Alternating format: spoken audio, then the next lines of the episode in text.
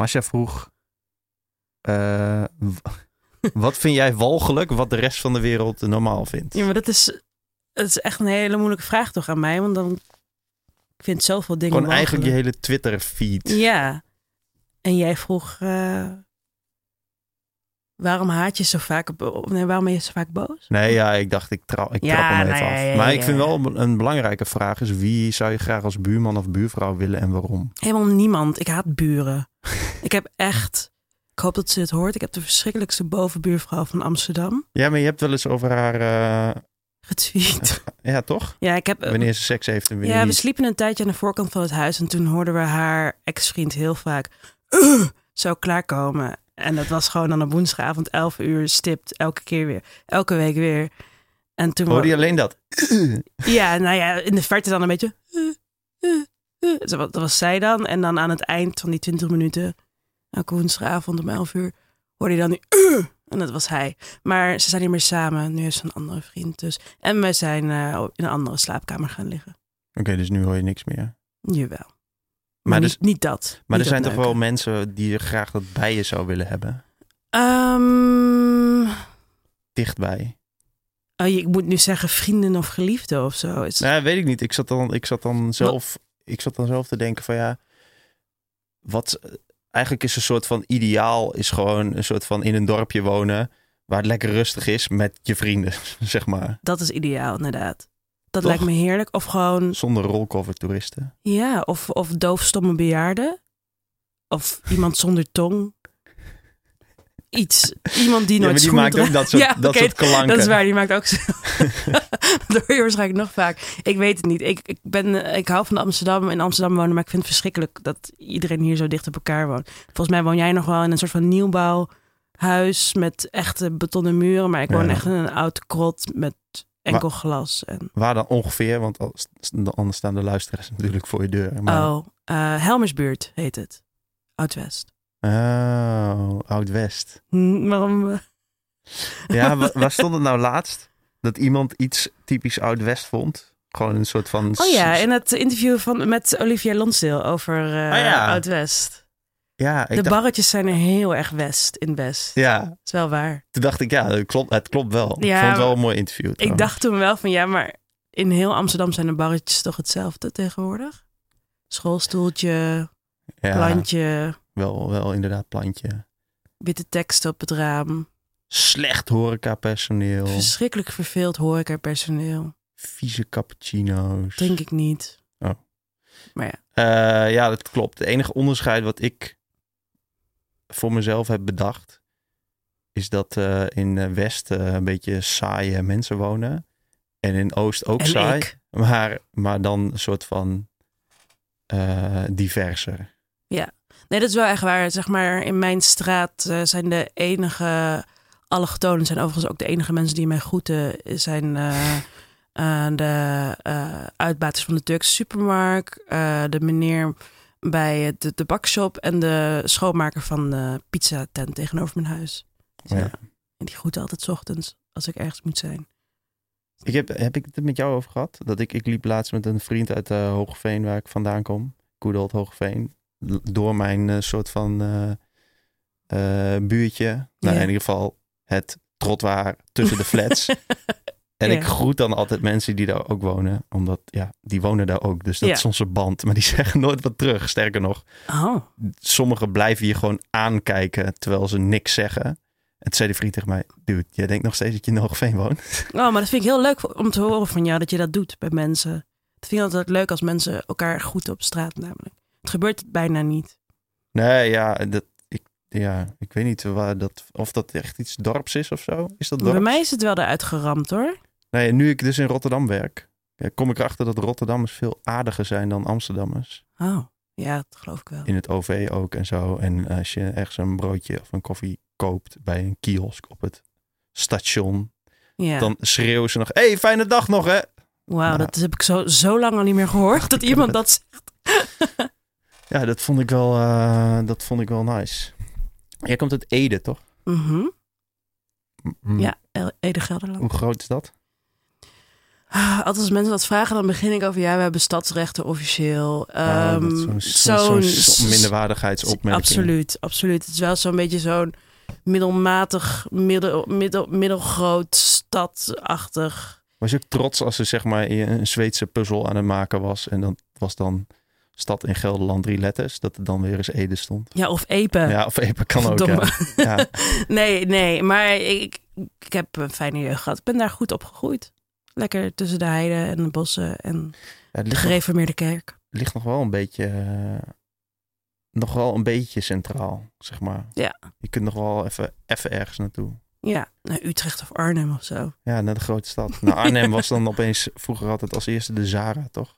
Oh, hoe- hoezo weet je dat? Nou ja, omdat ik kwam uit Hoogveen en dan ging je naar Groningen. Hm. naar de grote stad. Hoewel Zwolle volgens mij dichterbij was. Ehm, om daar te gaan shoppen. Maar op een gegeven moment had je dus... een in- rotstad is dat Zwolle trouwens. ja, ik vind het ook niet top. Maar ehm, Sorry, Zwollenaren. eh, op een gegeven moment eh, was er dus het fenomeen de Zara. waar je gewoon ja, best wel voordelig Blitz, kle- eh. kleding kon kopen. Die ook nog eens wel best wel prima was. Ja, en die was er volgens mij als eerste in, in Arnhem. Geen idee, maar ik ging daar dus wel altijd voor de koopavond heen. En dat was dan meer dat we schuin tegenover de H&M gingen staan. eh, ik en mijn vriendinnen en een beetje wachten tot jongens ons gingen uitchecken. En dan heel misschien iets, een, een sieraad of zo van 3 euro bij de H&M kopen. Maar het was vooral eh, zien en gezien worden daar. Tot, maar tot wanneer was dat? Ehm, ik heb in Ede gewoond tot mijn zeventiende. Dus dat was echt mijn, mijn middelbare schooltijd dat ik dit soort dingen Oh, en deed. toen ben je al naar Amsterdam gegaan? Eh, nee, ik heb eh, eerst anderhalf jaar in Den Haag gewoond. Ik heb daar een mislukte eh, studie niet afgemaakt. Welke studie? HEBO, Hoge Europese Beroepopleiding. Ik weet niet of je er ooit van hebt gehoord. Nee, ik wil hier alles over weten. Ach, het was echt verschrikkelijk. Ik heb daar... Maar moet het woord Europees erin, omdat, wat, omdat Ja. het in Den Haag was? En dat je Nee, dan... nee, het was echt specifiek een opleiding. Misschien bestaat het wel nog steeds hoor. Een opleiding waarmee je dan... weet Ik veel op ambassades kan werken. En, of bij de Europese Unie gewoon, zeg maar, heel erg Europees gericht was het. Ja. En ik ben voornamelijk gefaald op het vak Spaans, geloof ik. En omdat ik hele andere dingen deed dat eerste jaar op mezelf wonen. Zoals? Ja, neuken. nee, nee. En eh, vooral geen Spaans leren. geen Spaans leren. Nee, gewoon feesten vooral. Oh ja. Ik woonde samen met twee vriendinnen. Oh ja. Dus dat is een beetje de situatie. En wat gebeurde er toen? Toen, ging ik, toen heb ik ehm, op hva.nl een studie uitgezocht. En eh, En dat was iets met communicatie. Absoluut, dat was MIC. MIC. Toen heette het nog MIM, Media en Informatiemanagement. Nu heet het Media, Informatie en Communicatie volgens mij. Het is echt zo'n studie die bijna iedereen in Amsterdam heeft gedaan. Je leert er heel weinig. Maar ja, weet je, op den duur ging ik stages doen waarbij ik moest schrijven. Ik dacht van, oh ja, dit wordt het. Ik kan wel schrijven. Ga ik doen. En nu zijn we hier. Nu zitten we hier. En nu heb je een boek. Ja. Spannend. Nou, het boek zelf is volgens mij niet per se met een grote spanningsboog, maar een boek uitbrengen of schrijven is wel spannend. maar volgens mij zei je de vorige keer, want je bent voor, eh, voor het tweetst in deze podcast. Ik heb Mhm. twee podcasts geleden dat je dan ook een membership hebt. Je bent nu brons. Nee, je bent na deze podcast silver member. Ik weet nog yeah. niet welke privileges je hebt. Een Eh, snicker de volgende keer als ik kom. Een snicker. Zoiets. Eh, ja, is goed. Oké. Onthoud ik. Eh, maar volgens mij zei je toen daar wel al iets over. En dat is niet zo heel lang geleden. En nu is het er al bijna. Dus het lijkt net alsof je dat eventjes eh, tussen neus en lippen door... Ik weet niet of ik dat kan Luister, zeggen, ik kan, het helemaal, snel. ik kan het helemaal uitleggen. Ik weet niet of mensen die luisteren naar je podcast weten hoe dat werkt. Jij weet het volgens mij wel. Uh, als je wordt benaderd of je hebt een idee voor een boek... of je wordt benaderd van, hey, wil je een boek schrijven? Dan voel je je eerst gevleid en dan denk je van, ja, ik ga dat doen. En dan hoor je zeg maar wat je krijgt. Dat is een voorschot en dat is meestal heel weinig geld. Of je moet influencer zijn zoals Jammer de Boer... of een soort van BN'er of iets dat je al een soort van naam hebt. Maar ik ben niet echt iemand, dus ik kreeg een relatief laag voorschot. En ik denk dan altijd, ik heb dan uh, kennisjes en vrienden die dan ook al een tijdje met hun debuut of gewoon hun boek bezig zijn. En daar doen ze dan al meer dan ik van een jaar, meer dan twee jaar, meer dan drie jaar, gewoon lang over. En ik dacht van ja, hallo, ik ben dan, ik heb dan een soort van zielig bedrag. Ik kan het bedrag wel noemen. Ik heb 2000 euro voorschot gekregen. En waarom zou ik daar heel lang aan gaan werken als ik mezelf ook kan pushen om het binnen een bepaald bestek af te krijgen? Want zo fucking veel geld krijg ik er niet voor. En ik wil er geen betaalde klussen voor laten liggen of voor Nee. laten. Ik dan bezig ben met mijn boek. En het is niet dat ik het soort van fabrieksmatig eruit heb geramd. Het is nog steeds fucking persoonlijk. En ehm, best wel eh, leuk ook om te schrijven was het. Maar ik wilde er wel... Ik wilde er gewoon niet zo fucking lang eh, over doen. Dus ik heb het volgens mij in 2,5 maand geschreven deze zomer. Ja, dat is best wel Kort. kort, ja. Ja. Maar dan, ik wil het eigenlijk wel hebben over hoe je dan zo gedisciplineerd kan zijn om dat zo te doen. Heb je, hoe, hoe zo'n plan? ja, ik vind het best wel... eh, Nee, ik ben helemaal niet gedisciplineerd in het eh, echte leven. Dat lees je ook in dat boek. Ehm, maar wat ik me wel op kon brengen is dat ik... Ik ging dan meestal in heel irritant, echt heel irritant, in een cafeetje zitten. ja. Vaak in Belcampo, in de hallen, zat ik eh, achter het raam, achter mijn MacBook. Heel irritant te tikken. En dan, ik had op een duur gewoon een soort van Maar wel- maandplanning gemaakt. Van, oh ja, ik ga nu elke dag... Of nee, ik ga dan vier dagen per week elke dag 2000 woorden schrijven. Ah, oké. Zoiets. En Dat had je van best. tevoren ook al... Want hoeveel hoofdstukken zitten erin? 10 of 12 of zo? Ja, 12 of 13, ik weet niet. Had je dan al eh, bedacht van... Oké, dan... Ik ga dat gewoon ach- achter elkaar... Ja, ik had echt een hele lange lijst. Ik had iets van 28 ideeën voor eventuele hoofdstukken. En daar is dit uiteindelijk uitgekomen. En ik heb gewoon echt de dingen eruit gepikt waarover ik in mijn hoofd al helemaal had van shit, dit wil ik kwijt aan de mensen. Of Maar had je dat eerder al ergens in een notitieboekje? Nee, ik heb dat gesprek met mijn uitgever heb ik in februari gehad. En in mei ben ik volgens mij heb ik een lijstje gestuurd met oké, dit wordt het waarschijnlijk en hier ga ik aan schrijven de komende tijd. Mhm. En de Dus- mensen zijn te lui om nu op een scherm te kijken, maar we zijn nu in oktober. We zijn in oktober.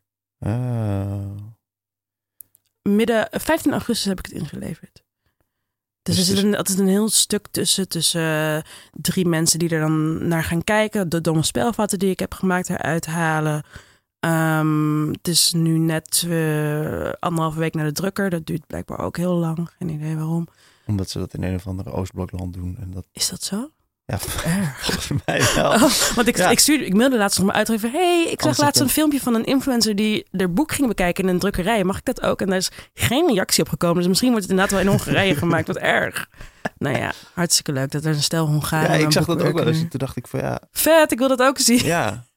Maar dat kan dus niet. Nee, maar ik, ik eh, heb jouw boek natuurlijk gelezen. En, maar ik kreeg wel de indruk alsof het, zeg maar, eh, dat je al over allerlei onderwerpen al een soort van stapeltje met ideeën had. Of heb je heel veel gebruikt van stukken die je al hebt geschreven? Of, Nee, niet eens. Ehm, ik heb geen oude stukken erbij gepakt. En ik had ook eigenlijk niks al klaar liggen. Ik had echt gewoon dat het wel in mijn hoofd zat. Misschien is dat het enige wat ik als een soort van buffer had.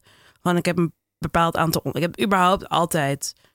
Als schrijver heb je dat vast ook wel. Dat je gewoon in je hoofd een bepaald aantal artikelen of zo klaar hebt staan. Of Ja. hoofdstukken. Gewoon dingen waar je een keer iets mee wilt doen. En dat heb ik... Toen dacht ik van, nou, dit is het moment. Volgens mij is een boek de uitgelezen kans om shit lekker samen te gooien waar jij over wil praten. Natuurlijk moest er wel uiteindelijk van mijn uitgever een rode lijn eh, inkomen, maar dat was niet heel veel eh, moeite. Maar weet je, ik had gewoon, ik heb gewoon een bepaalde mening over bepaalde zaken en ehm, eh, er is vast wel overlap tussen een bepaalde column van mij ergens in de NC of, of whatever, maar niet dat er specifiek echt iets herbruikt is of zo. Nee.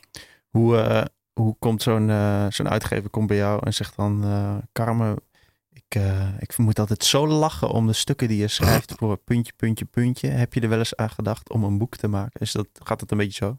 Nou, ehm, ik heb wel eens eerder een eh, gesprek gehad met een andere uitgever.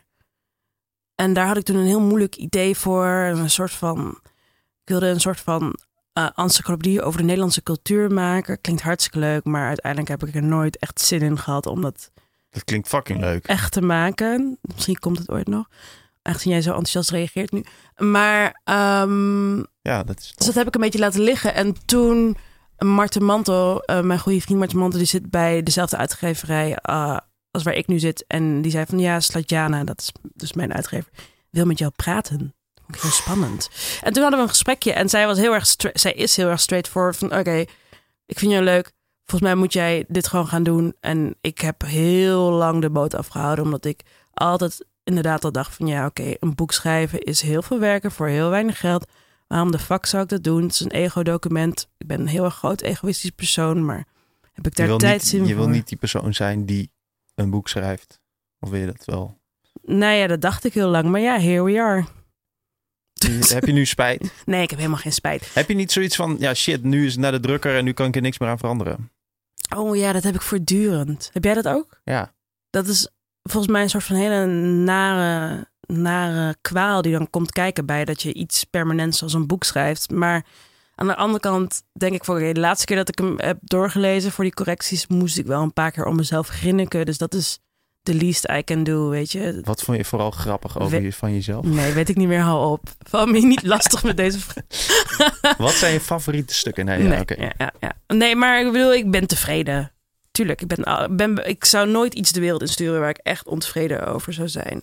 Ehm, dus, en uiteindelijk betrapte ik mezelf de laatst op dat ik dit wel echt als passieprojectje ben gaan zien. En ik dacht laatst dus ook van, oh ja, fuck, 2020 komt eraan. Moet ik dan ook weer iets leuks bedenken? Want kan wel rondkomen met allemaal klussen die dan geld in het laadje brengen. Which I love, maar het is wel leuk om dan één dingetje ernaast te doen, hoe klein of hoe kort het ook is, waar je dan wel nog echt een beetje gelukkig van wordt. Ja, het ligt een beetje aan hoe succesvol het gaat zijn. Heb je al beloftes over eh, bij welke tv-programma's je eh, mag aanschuiven? Nee, ik heb nul beloftes.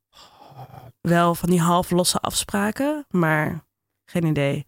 En wat bladen waar het dan in verschijnt. Want ik zit natuurlijk in die meiden, vrouwenbladen scene, een beetje met mijn Ja, dat is wel nice. schrijfwerk. Dus dat ik is wel zag dat, eh, dat, heb je, dat tweet hier vandaag toch? Dat NC eh Ja, een voorpublicatie. voorpublicatie Ja. van je debuut. Vind, dat vind ik ook Ja. zo'n knetter mooi woord. Debuut. Ja, ja, ja, ja. Nou ja, het heet zo. Ja, dat is wel, dat is wel nice. En welk hoofdstuk? Is dat een heel hoofdstuk? Ja, nee, ze hebben gewoon een, een heel klein, volgens mij 1500 woorden uit een hoofdstuk eh, gepakt over eh, dik zijn. En ik heb er nog, het was het is zeg maar het serieuze gedeelte hebben ze eruit gepakt. En ik heb nog ook wel, het hoofdstuk bevat bijvoorbeeld ook een hele lange, vond ik dan grappig, iets over eh eh, Terror Jaap, die dikke gast is de gouden Maar dat, eh, dat past natuurlijk niet echt bij NC, dus dat is eruit. Waarom past dat niet erbij? Nee, dat is dan een beetje te melig. En niet heel erg vrouwgericht of zo. Je wat ik bedoel? Een beetje aan de doelgroep denken, jammer. Wat is de doelgroep van NC? Is dat, is dat niet hetzelfde als je boek?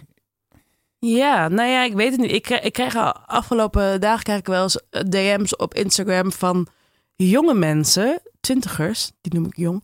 Eh, die zeggen van, oh, maar is dat boek dan ook wel leuk voor mij? En dan denk ik van, ja, tuurlijk, koop het gewoon. Ja. Bedoel, dat is letterlijk je toekomst over drie jaar. Dus ik weet niet wat je cool loopt te doen. Maar je hebt het heel vaak, je hebt het in een boek veelal over de groep 33 tot 39. Ja, vooral in het laatste hoofdstuk inderdaad. Heb ik daar een heel dramatisch stuk over geschreven. Ja, en toen dacht ik, ja fuck, ik ben 33 en ik, heb, ik, ik stuur het ook naar jou. Ik heb één ding gearseerd. Ja. En dat je dus een soort van rouw, rouwend gevoel krijgt.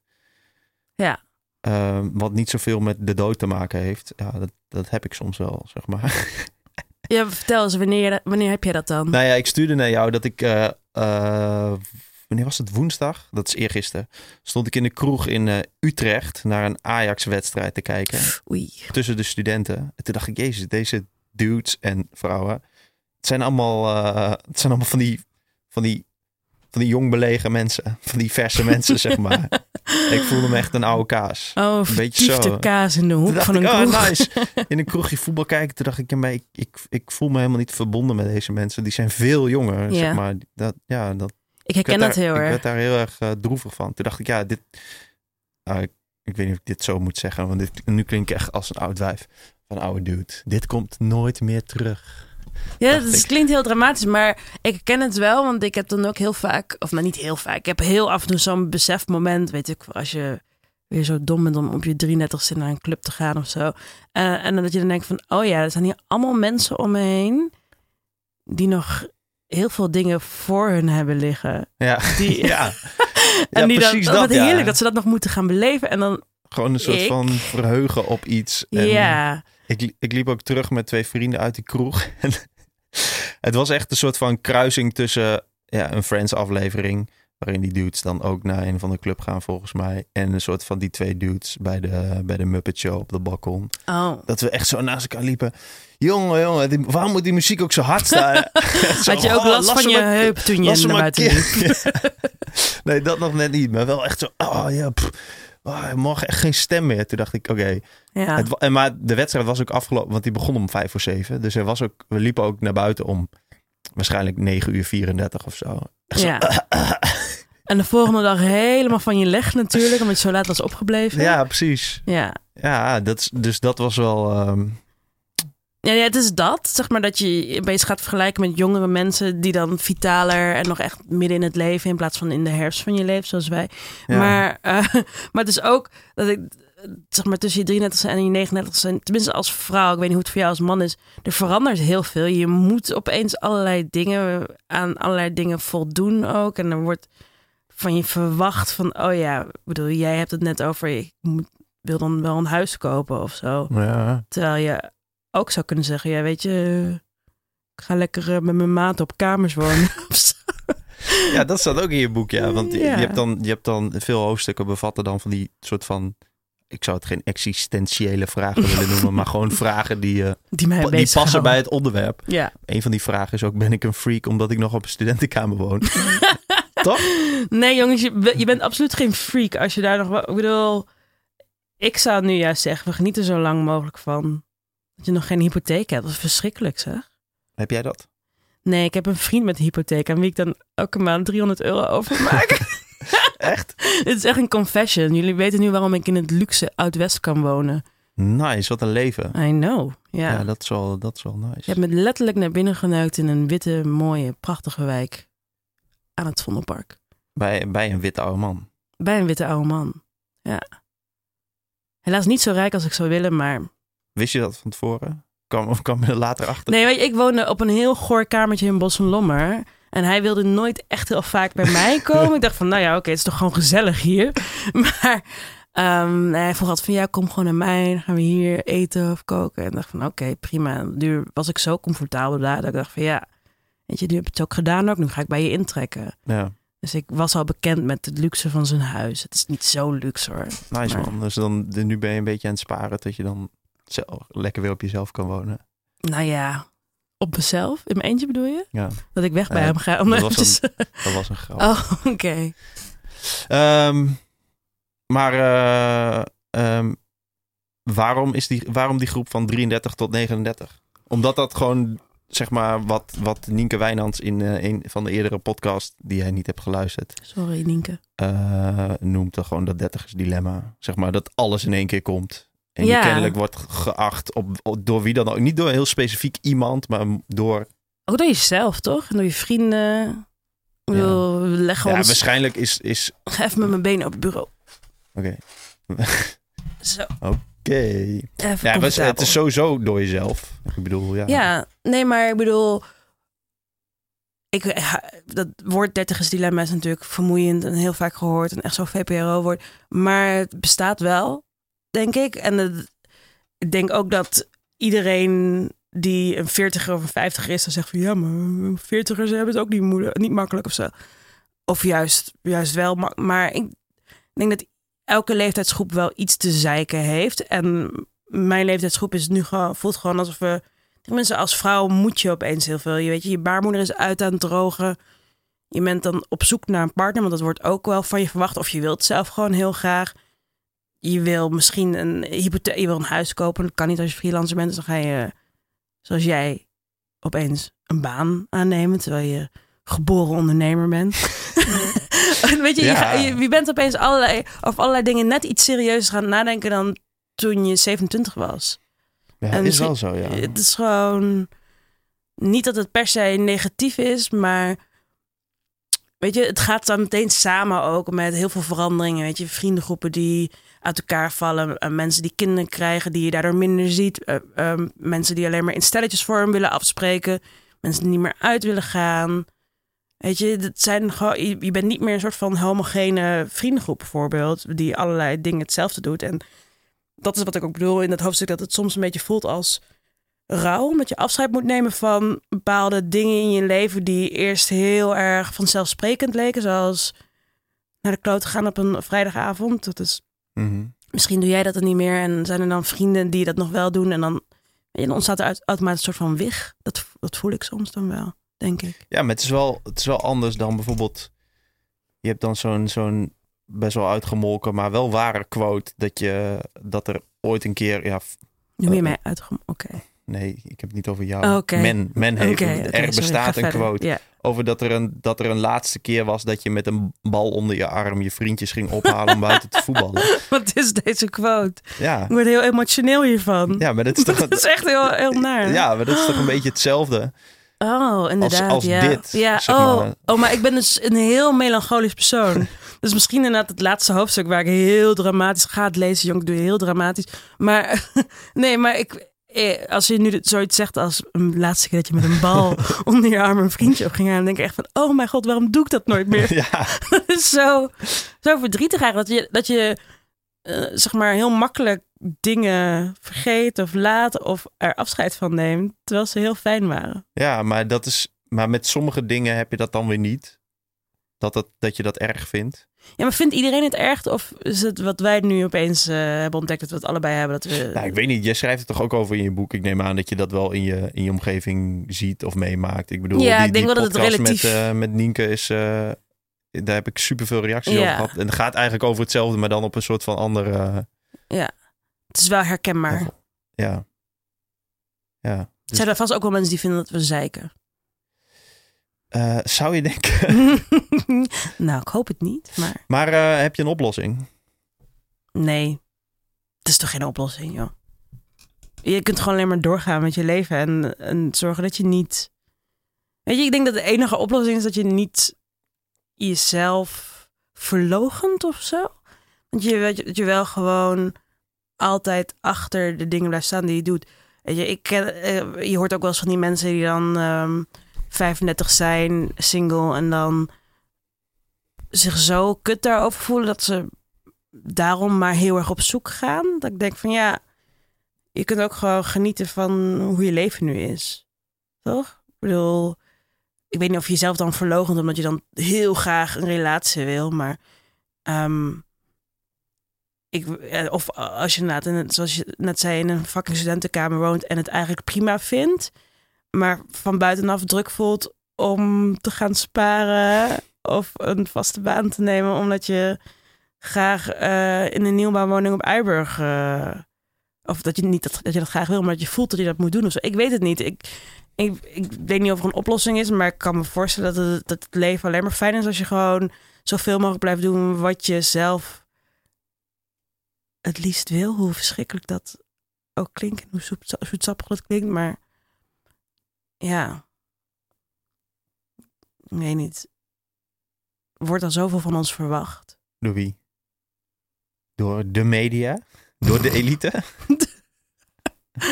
Ja, door de linkse elite. Nee, eh, gewoon. eh, Ik denk, eh, mensen zeggen altijd door de media, de maatschappij, maar ik denk altijd dat het vooral op microniveau meer is van je familie en je vrienden. Die verwachten het meest van je, toch? En daar Ja, maak je je ook het meest druk om. Ja. Ja. Denk ik. Maar ja... mm, Dus ik herken dat wel hoor. Soms dat je dan eh, gewoon een bepaalde vriendengroep hebt waarbij iedereen al eh, een kind heeft of een hypotheek of een hele goede baan waar iedereen meer verdient dan jij. En dat je denkt van, oh ja, ben ik dan de loser van de club of zo?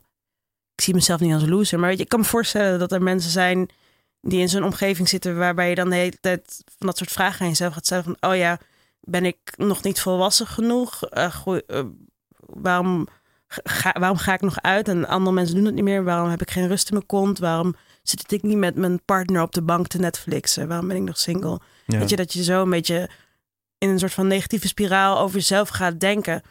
En ik denk dat het heel makkelijk is. Maar ik denk ook dat je daar alleen maar ongelukkiger van wordt. Want ik wil nu niet eindigen met op elk potje past een dekseltje. En jouw tijd komt nog wel. Maar weet je, dat gebeurt als het goed is wel. En weet je, als dat niet gebeurt, dan, eh, weet je, dan pleeg je zelfmoord. Dan is het ook voorbij. Zo. Nee, dat is een grap. een- Jongens, niet doen. Maar er is nu gewoon... dat nummer, dat nummer toch Welk nummer? Ja, dat over nieuwsberichten over zelfmoord. Oh ja, wat- 113. Oh, maar de, Nee, dat is, niemand, dat is 1 en 3 is toch gewoon als er een dier in nood is of niet? Echt? dat weet ik niet. niet, volgens mij Oh niet. shit, nu doen we heel lacherig Oh, over. wat erg. Nee. Dat is niet oké, zelfmoord. Nee, maar ik wil alleen maar zeggen dat je wel telkens op zoek kan gaan naar een oplossing. Omdat ja, maar de boer je vraagt wat de oplossing dan is. Maar er is toch niet echt een oplossing. Je kunt gewoon alleen maar het beste van je miserige ru- rukleven maken. Zoals ik ook doe. En zoals jij ook probeert te doen. Mijn miserige ruk. Nee, ja, ik zei van, ik studio van... Lekker lachen, van- jongens. Van, ha, ha, ha. We hebben eigenlijk een sidekick nodig die gewoon een hele, heel hard... Zo iemand van Radio Veronica die dan... Het, dat doet. Ik wil abnormaal. Ab Dat is wel- spatie normaal. Wie was dat nou ook alweer? Was het nou dinges? Dat gore konijn. Ja, weet ik. Maar wie Oh. was die stem die erin zat? Oh, geen idee. Was het Jochem Meijer? Oh shit, niet? ik hoop het niet. Dan heb ik echt jarenlang gelachen om Jochem Meijer. Nou ja, gelachen is een groot woord. Ehm, ja, ik weet het ook niet. Ja, nee, ik had een... eh, ik, ik, ik studio van tevoren een bericht. Dat, ik heb een nieuwe theorie. Oh, Dat je... Heb je niet gelezen? Of heb ik het eigenlijk helemaal niet gestuurd? ik weet niet wat je weet. De nieuwe theorie is dat je tegenwoordig als dertiger gewoon eigenlijk alles al hebt meegemaakt. Dus dat je Oh dan... ja, dat heb je wel gestuurd. Volgens mij niet echt inhoudelijk op ingegaan toen je Oh. dat stuurde. Nee. nee, maar dat is wel waar. Ja, vertel het maar eventjes. Mijn, mijn nieuwe theorie is dat je gewoon nu, als je, weet ik veel, eh, tussen de 33 en 39 bent, ja, dan ben je al acht keer naar Bali geweest. En heb je, ben je waarschijnlijk al een keer op televisie geweest. En dan eh, heb je waarschijnlijk iedereen al geneukt die je wilde neuken, of niet? Als het en- goed is. ja, en eh, ja, heb je eigenlijk van alles al meegemaakt. En eh, elke discussie heb je al gevoerd. En elk product heb je al een keer geconsumeerd. Drugs heb je ook allemaal gedaan. ja, en eh, je kunt ook alles. Dus ja, volgens mij is dan mijn nieuwe theorie is dat je dan eh, ja, dat, dat het dan gewoon nu al dat zeg maar je kunt tot je Jij tachtigste klinkt gewoon. echt depressief. Zo, ja, maar, Misschien ben ik. Ja, nee, je mag niet zo gauw zeggen dat iemand depressief is. nee, maar want- gewoon wel een beetje down klink je. Ja, misschien is dat wel zo. Maar ik snap wel wat je bedoelt, maar aan de andere kant klinkt het ook wel heel erg Amsterdams. Snap je wat ik bedoel? Dat, dat, Ja, dat ik denk van ja, ja, zeker. Mensen van 34 in Ede, die hebben echt niet alles gedaan wat jij hebt gedaan. En misschien eh, ze- hebben ze daarom zo'n gelukkig leven. Nee, ik weet. Misschien zijn ze daarom zoveel gelukkiger dan wij zijn.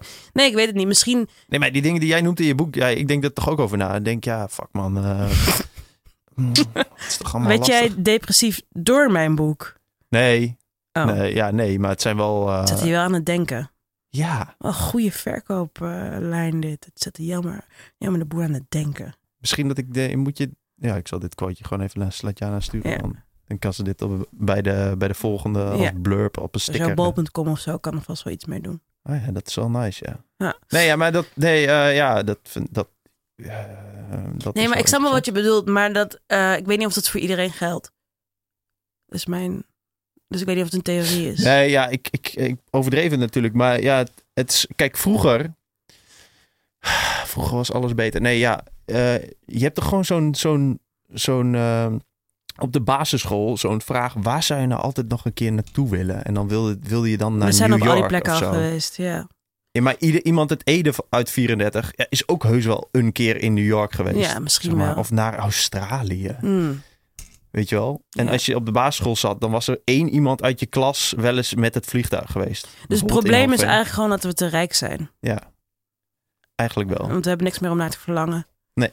Dus het enige wat we kunnen doen is eh, kankeren op wat we al hebben gedaan. Precies. Ja. Ja. zo is jouw boek ook ontstaan. Absoluut. Het is echt ontstaan uit gezeur. En dat besef ik me ook heel erg goed. Be- ja, Zonder me Wat? besef. Sorry, nee, ehm, nee, dat is gewoon echt ontstaan uit gezeur eigenlijk. Het is ook gewoon best wel een zeurderige titel. Valt me elke keer op als ik er weer naar kijk. En denk ik echt van ja, maar dat, dat past wel heel goed bij mij. Want ik heb wel veel te klagen in het leven. En ik heb ook altijd wel het gevoel dat mensen ehm, het leuk vinden als ik veel klaag. Nee, me zich wel Ja. kunnen vinden in waar ik over klaag. Dat is kut, hè? Dat, dat als je zo'n klagerig stuk schrijft, dat, dat, ja, dat, dat altijd wel lekker... eh, Absoluut. Maar dat heb ik eh, ook bij de Gladiol. Dat was het ook altijd, zeg maar, de zeurstukken met klaagtitels. Die deden het altijd zoveel beter dan positieve Ja, dingen. maar bij de, is er bij de Gladiol wel eens iets positiefs geschreven? Nou, dat, dat gebeurde dus wel, maar die dingen gingen nooit viral Die- of ah, zo. ja, of- dus dan zag ik ze nooit. nee, misschien is dat het. Ja, maar omdat, omdat positieve stukken is ook zo, eh, zo slap of zo, toch? Ja, zit je meteen in die gore mindfulness hoek, hè? Nee, ik bedoel meer dat je dan... Het, het, het is heel vaak zo van... eh, zo zit het en anders, eh, anders niet, zeg maar. Dit is, dit is goed. Ja, Het is wel goed zo. ja. Waarom zou je daarover schrijven? Ja, Dat dat, ja, maar dat is, dat is het dus ook. Ja. Dat, dat komt, ja, dan kom je nooit verder. Dan zeg je van ja, dit is wel prima zo. Ja. Wat vind je van de boeren op het Malieveld? Heel vervelend. Waarom? Voor die parkeergarage. Ik kwam erachter dat de parkeergarage... Nee. Er zit dus een parkeergarage onder dat Malieveld. Oh, die is nu, staat nu op instorten zeker? Ja, dus die boeren Niet. mogen... Die tractoren, trekkers, mogen er niet meer op. Ah, Oké, ik zou heel kort, eh, heel fijn dat je dit vraagt, want ik word eh, voel mijn bloed alweer eh koken. Maar Een bonus hoofdstuk. bonushoofdstuk, die fucking boer. Nee, sowieso zijn heel veel boeren in Nederland zijn gewoon echt fucking rijk. Die zijn heel succesvol. Die hebben het gewoon heel goed. Zijn so- soms zelfs miljonairs. En er is gewoon, weet je, soms moet er iets veranderen in het leven. Of er worden bezuinigingen gedaan. En letterlijk elke andere sector, die zeurt er even over en gaat dan weer door. Laat zich omscholen of, weet je, die zet de schouders eronder. En de boeren die gaan met hun fucking trekkers... Terwijl ze andere, mens, andere le- mensenlevens in gevaar brengen, gaan ze naar Den Haag. En ik, ja, en dan ook, zeg maar, de mensen trekken dan zo'n vergelijking met Zwarte Piet eh, pro- eh, protesteren, protesteerders. En denk ik van ja, dat is inderdaad ook nog eens zo. Maar los van dat denk ik echt van ja, wat zeuren jullie nou, man? Gewoon, wil je, ik, ik vind het milieu gewoon belangrijker dan boeren. En een gejank, dat ook. Ja. Dus, dief op. En ik heb gewoon echt geen begrip voor mensen die zo staan te schreeuwen. En dan ook met zo'n licht racistisch tintje. En ik zag net ook weer een foto van vijf boeren ehm, met zwarte pieten pruiken. Gewoon, ehm, nou ja, kroespruiken en kroeshaarpruiken en eh, eh, zwarte smink op. En denk van, oh ja, dus dit is hoe je je punt duidelijk wil maken. Nou, dat is heel duidelijk. En ik voel nul compassie met Maar heb je niet, ben je niet pro-protesteren dan? Nee, ik, oké, ik zou heel eerlijk zeggen, ik ga nooit naar eh, Heb je nog nooit marches. Of ik protesteer nooit. Ik ben nog nooit op het Nee, ik heb in Den Haag gewoond, dus ik ben wel eens langs het Malieveld gefietst. Onderweg naar iets. Maar ik heb nooit geprotesteerd. Even wat op Instagram gezet. Iets. Nee, ik ben eh, niet zo. Weet je, prima als mensen gaan protesteren. Ik vind het juist ook heel goed. Ik Vind dat, soms krijg ik ook een licht betraand oogje als ik zie dat zoveel mensen op de, op de voet zijn, op de been zijn. Ja. Ehm, maar ehm, ik ben eh, heel erg lui en ik doe het zelf niet. En meer mensen mogen toegeven dat ze zo lui zijn en lekker van achter een eh, laptop protesteren. Nou, ik heb, ik heb datzelfde een beetje. Want ik vind het altijd wel mooi als mensen met z'n allen gewoon massaal eh, ja. iets gaan doen. Maar ik- ja, ik denk, ik denk het letterlijk. Ik denk, jezus. Je Jullie moet- zijn het toch al? Nee, maar ik denk heel vaak, dan moet je wel echt knettervroeg opstaan. Ja. Je moet waarschijnlijk ook allemaal kosten maken die je niet gedeclareerd krijgt. En welke schoenen trek ik aan? Ja. Hoe lang kan ik op En mijn wie, benen staan? en wie gaat dat podium helemaal opbouwen en zorgen dat er geluid is en zo. Hoe en het moet met je heup? vla- Ja, precies. En geluids- en hoe decibellen. En eh, die vlaggen moeten gemaakt worden. En eh, Nee, maar we kunnen wel lachen. Maar die mensen die dan inderdaad voor iets goeds protesteren, die zijn, zijn wel betere mensen dan wij. ja, dat, Toch? ja, dat sowieso. Ja. Ja. Ik bedoel, we zijn laf een beetje aan het tikken op Twitter en boekjes aan het schrijven. En, en, dan, en dan ook nog zeg maar een soort van jezelf, voor jezelf goed praten. Zo van, nee, maar dit is mijn bijdrage. Ik denk dat ik op deze manier beter kan bijdragen. Absoluut. Ik sta, ik sta meer in mijn kracht. Oh, maar dat doe ik met manier. alles trouwens. Dat doe ik ook met het klimaat. Dat ik het voor mezelf heb ik mezelf helemaal zo ingekapseld van hoe ik voor mezelf kan ehm, goed praten hoe ik leef, zeg maar. Ik, eh, hoe vaak ik op vakantie ga en zo. En dan denk ik van ja, maar ik, eh, ik heb een deelauto. Dus ik heb dan wel een auto, maar het is wel een deelauto.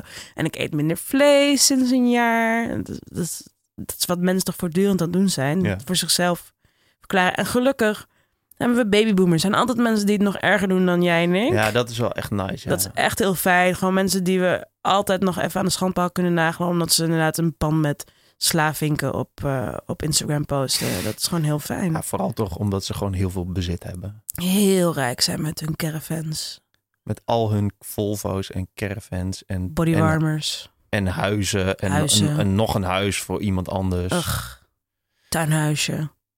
Ja, dat is wel echt, eh, dat is wel echt kloten. Ja, nee, mijn voorlopige conclusie is gewoon dat ik, dat ik vind dat mensen dom en lui zijn. En ik een mens ben. Dus ja, Ik ook. ja, dus, dus dan, ja, dan werkt het zo. En dan eh, moet de overheid maar iets doen. En dan, eh, Ja. ik, ga er niet, ik ga er niet voor protesteren. Dit is letterlijk wat ik in mijn boek heb geschreven. Ja. Maar als ik dat dan schrijf, dan denk ik wel van... Ja, Carmen, dit is wel echt heel erg lui. Nee, maar ja. Eh, ja, maar ook nee. Want ja, je kunt ook opschrijven dat je. eh, wat, wat in dat boek staat van mijn eh, naamgenoot Jelmer Mommers. Ken over, ik niet. ja, dit is zo'n correspondentenboek. oh, Ehm, over, dat, dat, over dat klimaatboek. Hoe heet dat nou ook weer? ik lees niks van een correspondent. Nee, sorry. Nou ja, anyway, die zei ja, ieder, die moet gewoon, die zei eh, letterlijk, ja, iedereen moet eh, vegan worden en eh, je, je moet niet meer vliegen. En eh, volgens mij moet je ook nog koud douchen en Oh. weet ik veel wat. Dacht ik, ja, dat, dat slaat natuurlijk nergens op. Ja, het zou best wel kloppen dat dat nodig is, maar het gaat gewoon nooit gebeuren dat mensen dat doen. Nee. Dus ik, ik denk gewoon echt dat je mensen, ehm, als, je ze, als je wil dat, dat mensen ook maar iets minuscuuls aan hun gedrag veranderen, dan moet je dat echt met allemaal verzachtende eh, dingen eh, brengen. Ik heb ook een, eh, volgens mij was het eerder dit jaar, heb ik een stuk geschreven over minder vlees eten. En weet je, als je zegt tegen mensen, je moet vegan worden of je moet vegetariër worden, dan, weet je, dan knallen ze het liefst gewoon in je gezicht. Met een pistool bedoel ik. Met een pistool. Dan weet je, dan, Mhm. Dan willen ze je echt dood hebben. Mensen worden er zo agressief van als je dat zegt. Terwijl, tuurlijk, het is beter, maar weet je, als je mensen al uitlegt dat je met één dag of twee dagen geen vlees eten al zoveel verschil kan maken, dan denken mensen, oh, dat is misschien wel behapbaar. In plaats van optieven. Waarom vertel je mij wat, je, wat, ik, wat ik moet doen? Ja, nee, ik vind dus meer dat, dat als je gewoon, eh, weet ik veel, als vlees opeens fucking duur is bij alle supermarkten, ja, dan gaan mensen het vanzelf wel minder kopen. Absoluut. Beetje zo. Ja. Zoals nu ook eigenlijk niemand rookt. Dat is inderdaad wel goed gegaan, hè? Toch? Met het roken. Of is het... Dat is, Nee, maar ja, mensen roken echt weinig. En je bent nu echt een freak als je dan rookt, volgens Ja, mij. je bent toch wel echt een weirdo. Maar ja, dat is wel goed gegaan. Ja, en eh treinkaartjes naar Rotterdam zijn fucking duur. Dus niemand gaat met de trein. Iedereen gaat gewoon lekker met de auto. Dus zo werkt dat een beetje. Zeg maar, als Ja, iets goedkoop is, dan gaan mensen het doen. En dan... Ja. Maar dat is dus dat is toch ook gewoon waarom, er, eh, waarom die boeren zo boos zijn. Ik bedoel, ja, als zuivelproductie zo wordt gesubsidieerd, is dus Ja. melk fucking goedkoop.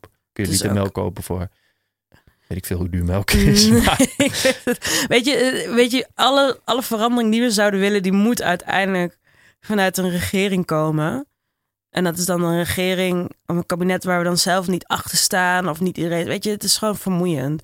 En veranderingen die gaan niet van de een op de andere dag doorgevoerd worden. En volgens mij die hele stikstofregeling, daar zijn mensen nu alweer over terug aan het ja, de, de Ehm, provincies. ja, dingen ze. Dus eh, terug aan het dingen ze. Terugdingen bedoel. ze. Dus dat, weet je, geen idee wat er gaat gebeuren, maar het gaat lang duren voordat er iets verandert. Nee, maar je hebt toch nu bijvoorbeeld eh, wij lekker in Amsterdam met onze GroenLinks, eh, GroenLinks, eh, hoe heet dat? Gemeenteraad, heet dat zo? Dat, gewoon, dat ze gewoon lekker allemaal auto's gaan weren Ja. en dat ze plannen hebben. Ja, dat is toch top. Ja, dat is wel leuk. Ik bedoel, dat, dat, is, dat is toch hoe het zou moeten. Vooral Ja. heel blij met die... die Wiro-dingen. dat vind ik heel leuk. En dat de scooter op het... gewoon op de, op de straat, zeg maar niet meer op het fietspad mag. Dat vind ik heel leuk. Ik fietste laatst met eh, Jenny, mijn vriendin, op het fietspad. En zat er zo'n scooter achter ons eh, te toeteren. Zo van, eh, mag hier niet zijn, zei je toen. Nee, Jenny zei, joh, ga even op de weg. En toen ging die gast op de weg en zei, hey, bedankt, ik wist het niet, sorry. Toen dacht ik, Oh, wat lief. dit kan niet, dit is, oh, droom ik of zo. ja, dat, Dat vond ik wel heel leuk. dat vond ik heel bijzonder. Ik word een beetje emotioneel van. Nee, maar ja, dat is wel... eh, En zijn niet kankerhoer of zo daarna. ja, misschien. Misschien siste die Gewoon in zijn helm. ja. Ja, dat Oh, zou kunnen. Maar die bureaus, dat is wel nice. Even voor de provincialen die deze podcast luisteren. Wat is een bureau? Een heel klein rottig kutwagentje waar je tegen elkaar aangepropt zit met z'n tweeën. Een beetje gehandicapte wagentjes. Maar dan niet voor gehandicapten, maar voor eh, hele rijke mensen uit Ja, Amsterdam. die dingen zijn fucking duur dus. Volgens mij beginnen ze bij 17.000 of zo. Ja, daar kwam ik laatst achter. Toen dacht ik, huh? Wie Ja. heeft dat geld dan? Qua kind. Zeg maar. wel- Hoe bedoel je qua kind? nee, ik bedoel, er zitten altijd jonge mensen in. Gewoon Oh. echt tussen de 16 ja, en, eh, ik las ook een en- heel en grappig 23. interview in, zal de Volkskrant of Parool zijn geweest, van een vader die dan zo'n bureau voor zijn, voor zijn tienerdochter had gekocht. En die dan zei van, ja, is heel onhandig natuurlijk, want nu moeten wij eh, alsnog een parkeervergunning voor haar gaan aanvragen. Dus we kopen wel gewoon een smart voor dus zo gaat dat dan, ja. Nou ja, Als je een rijke vader hebt, heerlijk. Ja.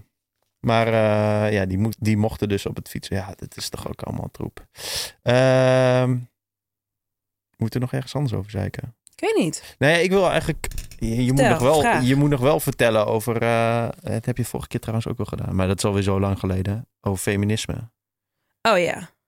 Wat wil je, wat wil je weten over feminisme? Nou, je hebt, je hebt zeg maar... eh, je- het lijkt voor mensen die niet zoveel weten van feminisme... die denken dat alle feministen hetzelfde zijn. Maar jij hebt dan zeg maar ook weer een... Je bent weer een soort van niche, zeg maar. wat, kun jij mij niche beschrijven? Nou, jij, jij schrijft in je boek dat je zeg maar... eh, er zijn een soort van hypocriete feministen. Fopfeministen heet Ja. dit eh, hoofdstuk, Oh. inderdaad. Ja, sorry, ik, heb, niet- ik, ik had het niet ik ben helemaal in mijn marketing vibe. Heb ja, je dat ja, hoor? fopfeministen. Ja, Ehm, lees het. die eh, net doen alsof ze feminist zijn, maar dan wel vrouwen die schaars gekleed op Instagram staan eh, hoeren vinden. Ja, weet is dat je, een beetje samenvatting? ja, dat is een, een onder. Het is een heel lang hoofdstuk. Want ik was echt hoofdstuk. lekker aan het typen toen. Ik dacht van ja, ja, ja, ja, lekker doortypen. Dat was een van mijn lange hoofdstukken. Maar ik had er heel veel over te vertellen. En één ding daarvan is inderdaad dat er vrouwen zijn in Nederland die zichzelf feminist noemen, maar ehm, wel Kim Kardashian een hoer vinden omdat ze in haar bijna blote kutje op Instagram staat en dan, but she's a mom. Of juist het voor zichzelf kunnen, kunnen ehm, goed praten dat ze, zeg maar, moslima's die hoofddoekjes dragen, ehm, als minder zien. Niet per se als minder zien, maar dat ze dat dan eh, afkeuren. Want ze zien hoofddoekjes dan puur en alleen als een soort van onderdrukkingsmiddel door mannen. Terwijl ik denk van ja, maar dan schat je die vrouw per definitie in alsof ze nul ruggengraat heeft. Want misschien zijn er ook gewoon moslima's die zelf graag eh, een haar bedekken. En waarom zou er altijd moeten worden gedacht aan de man achter zo'n moslima? Alsof er geen single moslima's zijn die misschien geen contact hebben met hun vader en alsnog een hoofddoekje dragen. Ik weet niet, bestaan ze? Denk het wel. Dus Mhm. ik, denk dan, als je... Ik wil niet een soort van eh, gatekeeper zijn voor de feminist, want eh, zo Jawel. vermoeiend... Nee, oké, ja, alleen als jij het vraagt. Nee, maar ik wil niet zo vermoeiend zijn en dat worden. Maar ik denk wel, je moet gewoon elke vorm van vrouw zijn en elke vrouw die er maar bestaat, moet je dan eigenlijk, en het is heel vermoeiend, want ik ben zelf ook een heel erg veroordelend persoon richting man en vrouw, kind, alles. Maar moet je dan eigenlijk gewoon elke vrouw moet je dan op hetzelfde level zetten en accepteren voor wat het is. Dus ook vrouwen met wie je helemaal niks hebt, moet je dan waarderen als feminist toch eigenlijk. Dus dat, ik wil niet het woord intersectioneel eh, feminisme noemen, maar dat is wel eigenlijk waar het om gaat. Dat je ook gewoon niet alleen met godsdienst of outfits of Instagram, maar ook dat je vanuit ander perspectief kan denken van oké, een arme vrouw die is bijvoorbeeld een single mom en- die, en die werkt drie baantjes om, om überhaupt rond te komen. En dat kun je dan zien als van, oh ja, waarom besteedt ze zo weinig tijd aan de kinderen? Want ze zit het op haar werk. Of je kan zien van, oh ja, deze vrouw doet wat ze moet doen, want ze is fucking arm. Mhm. Weet je, dat je ook een beetje denkt uit klassenverschillen. Dat een beetje. Maar is daar. eh, ge- gebeurt dat nu te veel, zeg maar? Ik, ik, ik vind namelijk dat er een soort van. Iedereen is er gewoon de hele tijd op elkaar een beetje aan het fitten. Mhm. En dan. eh, ja, klinkt heel echt. Ja, ik weet het niet. Het is gewoon een beetje verdeel- en heerstactiek of zo. Ja, Iedereen loopt gewoon op elkaar te zeiken en dan. De, en dan eh, ehm, maar wat is je vraag? eh, nou ja, of jij het daarmee eens bent, zeg maar. Of het alleen maar erger wordt. Nou ja, ik bedoel, wij doen toch ook mee aan de zeiken? Ja, maar wel op een, op een soort van Oh, eh, op een betere hoger manier. niveau dan andere mensen. Hoor je jezelf nou, ja, maar... Nee, ik bedoel... eh, ik weet niet of internet zeiken... Ja, of dat dan precies helemaal laat zien hoe, wat een persoon in het echte leven doet. Of zo. Ik weet het niet. Ik weet niet wat je vraag ook is. Ik weet niet wat je wil van me. Eh, mijn vraag is of dat, zeg maar, of dat fopfeminisme eh de kop opsteekt.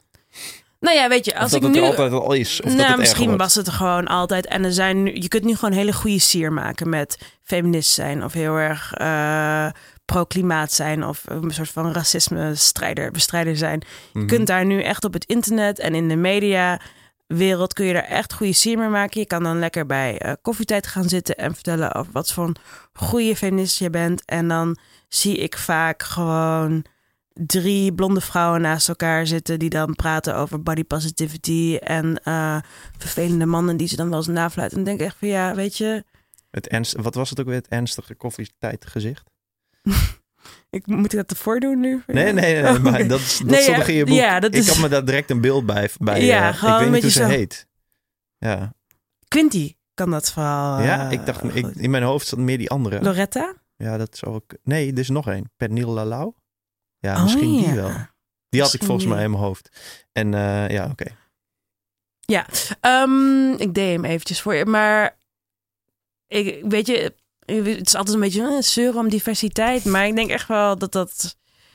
Ik hoef echt niet alleen maar dat ik het. Ik wil graag een hoofddoekje tussen die drie blonde vrouwen zitten. Maar ik wil ook gewoon wel eens een vrouw die bij de schuldhulp zit. Gewoon, weet je, een vrouw die fucking arm is en eh, ehm, in de bijstand zit. Daar wil ik wel eens dingen over horen. Over hoe zij het ervaart om vrouw te zijn in Nederland. En niet alleen maar jonge blonde meiden uit, uit Amsterdam. die eh, toevallig een eh, leuk boekje zoals dat van mij hebben gelezen. Heb je al een uitnodiging van koffietijd? Nee. Kun je dat voor me regelen? Nee, ik had laatst een bericht. Ik zat daar. eh, Heb je letterlijk een bericht naar ze gestuurd? nee, nodig niet over jouw uit. boek. Oh nee, ik bedoel over jezelf, of je eigen boek. Nee, ik was daar in het begin van dit jaar. Voor, toen, mijn- toen ik had aangekondigd dat ik een boek ging schrijven. En toen zeiden ze natuurlijk heel enthousiast. Ja, maar als het er is, stuur ons even een berichtje. Vinden we leuk. Nou, dat heb ik dus gedaan. Ik heb naar drie mensen een bericht gestuurd. En als ik dan een- ja, niks terugkrijg, dan voel ik me al direct al heel, heel kut. Maar heb je niks nee, nee, ik teruggekregen? heb niks teruggekregen. Oh, Kut koffietijd. Dus als jullie luisteren, fuck all y'all. ja, Lullig. ja dat is vervelend. Ehm, Ja, dus dat. Feminisme. Weet je, in, in, ja, leuk. Fuck mannen. ja, Nee, niet fuck mannen. Maar het is gewoon meer... eh, het is wel goed dat vrouwen nu steeds vaker doorkrijgen... dat ze elkaar ook wel een beetje kunnen steunen. ja ik maar- ook hoor. Ik ben... Wat? Ik ook. Ikzelf ook, bedoel ik. Hoe bedoel je? Nou ja, dat ik ook echt niet... Ik ben geen geboren feminist of zo. Echt vaak genoeg. Nee, maar ja, maar wat jij doet is toch gewoon een beetje Ik probeer wel, zeg maar... Op, punch up. Ja. Volgens mij zeiden we het, hadden we het daar vorige keer ook Ja. al over. Dat het gewoon, dat, dat mag altijd. Vind ik wel. En maar het is wel, ik probeer het wel zo gelijkwaardig mogelijk te verdelen tussen man, vrouw en kind. tegen wie ik up punch. Weet je dat ik niet. Ja, maar en, en als het up punchen is, mogen ze best wel specifieke mensen zijn. Ja. En als het zijwaarts en down punchen is, dan moet, ze, dan mag het, dan moet het een karakterbeschrijving zijn eigenlijk. Ja. De persoon die puntje, puntje, puntje. Ja. En dan is het extra grappig als het Als je dan wel weet wie je eigenlijk bedoelt. ja, heel sneaky. Nee, het is gewoon eh, steeds moeilijker geworden om hele bevolkingsgroepen uh, belachelijk te maken. Dat kan gewoon niet meer. Uh, nou ja, volgens Joep van het Hek mag dat nog wel. Ja, maar dan noem je ook iemand. Dus die man is nog letterlijk nog net niet gebalsemd. Ja, dat is wel waar, ja. Denk je dat zo iemand als Hans Steeuwen met zijn met show 20 jaar geleden, dat dat, dat dat nu nog grappig is? Nou ja, dus echt, we zijn nu wel weer heel erg Amsterdams aan het denken. Want buiten Amsterdam ligt nog iedereen schuddenbuikend om dat soort grappen hoor. Ja, weet ik niet. Ja, ik, in Hoogveen niet? Ik kom daar nooit. In jouw familie in Hoogveen. Wat zeg je? In jouw familie in Hoogveen. Uh, weet ik Daar lacht niet. niemand, hè, natuurlijk. Dat is, dat is, Drenthe. Of Overijssel? Drenthe? Dat is Drenthe. Ja, daar lacht niemand. Nee, ik denk wel dat ze daar lachen. Ja. Nou ja, ik vraag me af of dat... Uh, ik bedoel, ja, ik, heb, ik heb er niet echt een mening over of zo. Ik weet wel dat ik Hans Steeuwen met zijn shows echt fucking grappig vond. En nu? En nu zijn er echt nog wel classics van hem. En nu vind ik heel veel dingen niet zo heel grappig. Maar ja, dat komt ook omdat ik het honderd keer geluisterd heb. Ja. En nu ouder ben of zo. Ja, weet niet. Ja. Ja, en dat je dan soms denkt van oei, of zo. Heb, heb je dat niet nu? Van oei, Ja, wat zegt hij nou? Ja, ja, weet niet. Ik denk dat je gewoon, je, volgens mij mag je overal wel grappen over maken. Zeker. Zeker, dat mag zeker. Er zijn alleen uh, of altijd aan de ene kant mensen die dan een beetje moeilijk gaan doen, of aan de, weer de andere kant mensen die voorbarig gaan janken dat het niet meer mag. Wat ik ook heel vermoeiend vind. Ja. Allebei de kanten. Weet je, ik, ik heb dat volgens mij is dat ook een zinnetje in mijn boek. Dat het heel, zeg maar, over. Ik heb ook een hoofdstuk over cancelen. Elkaar cancelen voortdurend. Dat het, zodra het over uitspraken en humor gaat, vind ik het heel lastig om daar echt zo'n klap met een houten hamer op een tafel bij te geven. En zo van, dat mag niet. Jij bent fout, want jij hebt dit grapje gemaakt. En daar ben ik het niet mee eens. Want humor is iets, weet je, ik kan wel zeggen, ja, maar het is niet grappig. Maar dan alsnog, als er mensen om lachen, dan zijn er dus blijkbaar wel mensen die het wel grappig vinden. Dus ik vind het dan heel lastig om mensen echt te veroordelen. Behalve als het natuurlijk gewoon letterlijk vrouwenhaat of racisme is, dan veroordeel ik gewoon keihard. Maar gewoon als het zeg maar van die grijze gebied dingen is, dan vind ik dat altijd heel lastig om Ja, maar- veel cabaretiers of Ja, maar is, bestaat vrouwhaat en racisme in, zeg maar, de performing humor art? denk ik wel. En maar ook in eh, films bijvoorbeeld. Ik bedoel, je had er laatst ook weer dat gezeik over die Joker film. Over... Oh ja, niet gezien. Oh. Ehm, Eh, Jij kijkt idee. alle films. ja, was even op vakantie, hè? Echt. Oh ja. Ik moet nog naar de Joker of Joker heen. Ehm, ik, ja, ik weet het niet. Ik denk het wel, maar ik denk vaak dat mensen eerder de persoon die die grappen maakt cancelen om de dingen die ze in het privéleven doen of zeggen, ja. dan de grappen of dingen die ze op Twitter hebben gezegd natuurlijk ook in hun vrije tijd. Ja. Of dan de grappen die ze in een, eh, in een eh, Netflix-show eh, maken. Want daar, zijn, daar is iedereen zo, sowieso wat voorzichtiger in, denk ik, tegenwoordig. Of oude tweets van zes jaar geleden. Dat is ook een goeie, om mensen om te cancelen. ja, dat vind ik ook heel grappig. Hoe dat... Ja. Heb jij wel eens tweets verwijderd? Oude tweets? Of ja ik wil het er niet iedere podcast over hebben, maar ik, ik heb nu denk ik vier podcasts achter elkaar. Deze vraag gehad. Nee, vertel ik eventjes dat ik, Ah, Sorry, ik luister alleen naar de podcast die je met mij doet. dat ik handmatig mijn oude tweets bij langs ga. En dan gewoon... Ja, ik, ik vind het een... Dat doe je regelmatig? Ja, omdat er heel veel zijn. Ik ben bezig met gewoon een eh, artikel daarover, zeg maar. Omdat het is gewoon een dagboek van negen jaar lang eigenlijk. Ja. Of tien jaar lang, weet ik veel. En ik vind het leuk om de hele tijd... eh, om dan te gewoon... Op een gegeven moment kon ik gewoon in het Twitter zoekveld Jelme de Boer... en gewoon iedere woord in het Nederlandse woordenboek... daar had ik wel iets over getweet. Gewoon kameel, banaan, overheid, weet ik veel. Gewoon alles. Daar had ik wel gewoon iets over. En daar kwam ik laatst achter. Toen dacht ik, oké, ja, ik ga gewoon eventjes... een soort van chronologisch er doorheen scrollen... en dan noteer ik wat mij opvalt. Had je En- één tweet waar, waar, waar je je echt voor schaamde, die je dacht van, oh, die moet nu weg? Nee, maar wel gewoon heel veel waar ik me nou, niet per se voor schaamde of zo, maar gewoon die. Ja, die eigenlijk nergens op sloegen. Maar ja, het is ook heel vaak zo, weet je, soms is er iets op tv of iets gaande in het nieuws of zo. En dan tweet je erover. En ja, als je dan 4,5 jaar later leest, Dan denk je echt, waar de fuck maak jij is het een beetje hetzelfde over? als chatgesprekken op WhatsApp van iemand anders lezen of zo. Ja. Dat, je, je mist dan de dynamiek van hoe Ja. die berichten naar elkaar worden gestuurd. Dus dat, dat is eigenlijk heel anders. Die interpretatie is heel, Ja, heel eh, vreemd. Maar ehm, ja, het is gewoon een bijzonder, eh, bijzonder dagboek. ja, wel echt heel leuk. Dat je inderdaad gewoon nog tweets uit 2011, ik dan volgens mij 2011, 2010 terug kan lezen. Doe jij dat wel eens? Ik heb wel eens... eh, Heb je het eh, gebruikt voor je boek? Of je hebt he- eigenlijk helemaal niks gebruikt van je bestaande nee, werk, nee, ik heb niks gebruikt van mijn oude tweets. Nee, van je oeuvre? Ik heb wel een keer eh, een zoekop van die, een paar van die zoekopdrachten gedaan op erger woordjes. Oké. Ik moet nu al giechelen, heel dom. Maar om te kijken of ik ze een keer had gebruikt of zo. Weet je, dus ding- dingen als joden Mhm. en zo. En dat viel allemaal heel erg mee. Dus misschien heb ik het al een keer eerder gewist. Nee, ik heb gewoon niet zulke hele erge dingen. Ja, ik weet het niet. Ik kon niet echt heel veel aanstootgevende dingen ehm, vinden. Ik heb in die, op diezelfde dag heb ik wel mezelf ehm, ging googlen. Dat doe ik dus ook best wel regelmatig. Ik weet niet of je dat ook doet. Ja, natuurlijk. En dan ging ik echt helemaal ver terugzoeken. Ehm, en toen vond ik een artikel wat ik ooit had geschreven voor Vice. Echt in 2011 was dit volgens mij. En dat was volgens mij een boekrecensie. Maar ik weet niet meer welk boek het was. Maar er stond het woordje neger heel prominent in. En ik krijg nu al kippenvel nu ik dat zeg. Want ik vind, ik vind dat woord dus... Ik, kan dat, ik vind het heel erg als mensen dat nu gebruiken. Als ik dan Mhm. ook hoor dat iemand dat zegt in een zin alsof het niks is, dan uh, ik, vind het gewoon heel raar.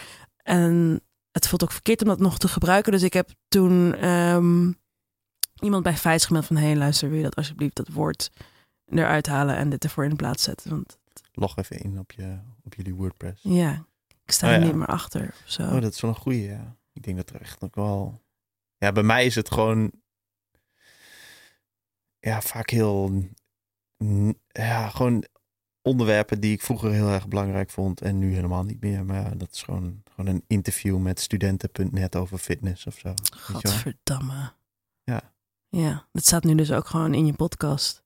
Dus op dit moment zijn er allemaal mensen in slaap gevallen door wat je net zei. Sorry. Ja, dat is wel waar. Ja. Ehm, hoe kwamen we hier ook weer op? Uh, we hadden het over... Uh, oh ja, over cancelen. Cancelen. Maar uh, heb jij mensen gecanceld? Ja, joh, ik cancel mensen de hele dag door. R. Kelly sowieso. Ik heb laatst ook nog die fucking documentaire gezien. Toen dacht ik echt van, waarom de fuck heb ik zo lang jouw Spotify centjes toegestuurd door jouw muziek nog te luisteren? Mm -hmm. Ik ben echt, echt, ik hou echt van zijn nummers. Gewoon echt lekkere jams gemaakt vroeger. Gewoon veel opgeschuurd als tiener. En dan is het gewoon smerig om na te denken dat hij heel veel van die geile teksten gewoon over jonge meisjes van 14 zong. Want dat is letterlijk waar hij een harde pik van krijgt. Dus waarom de fuck zou ik daar nog naar luisteren mm -hmm. zonder mezelf heel goor te voelen? Dus dat kan ik gewoon echt niet meer.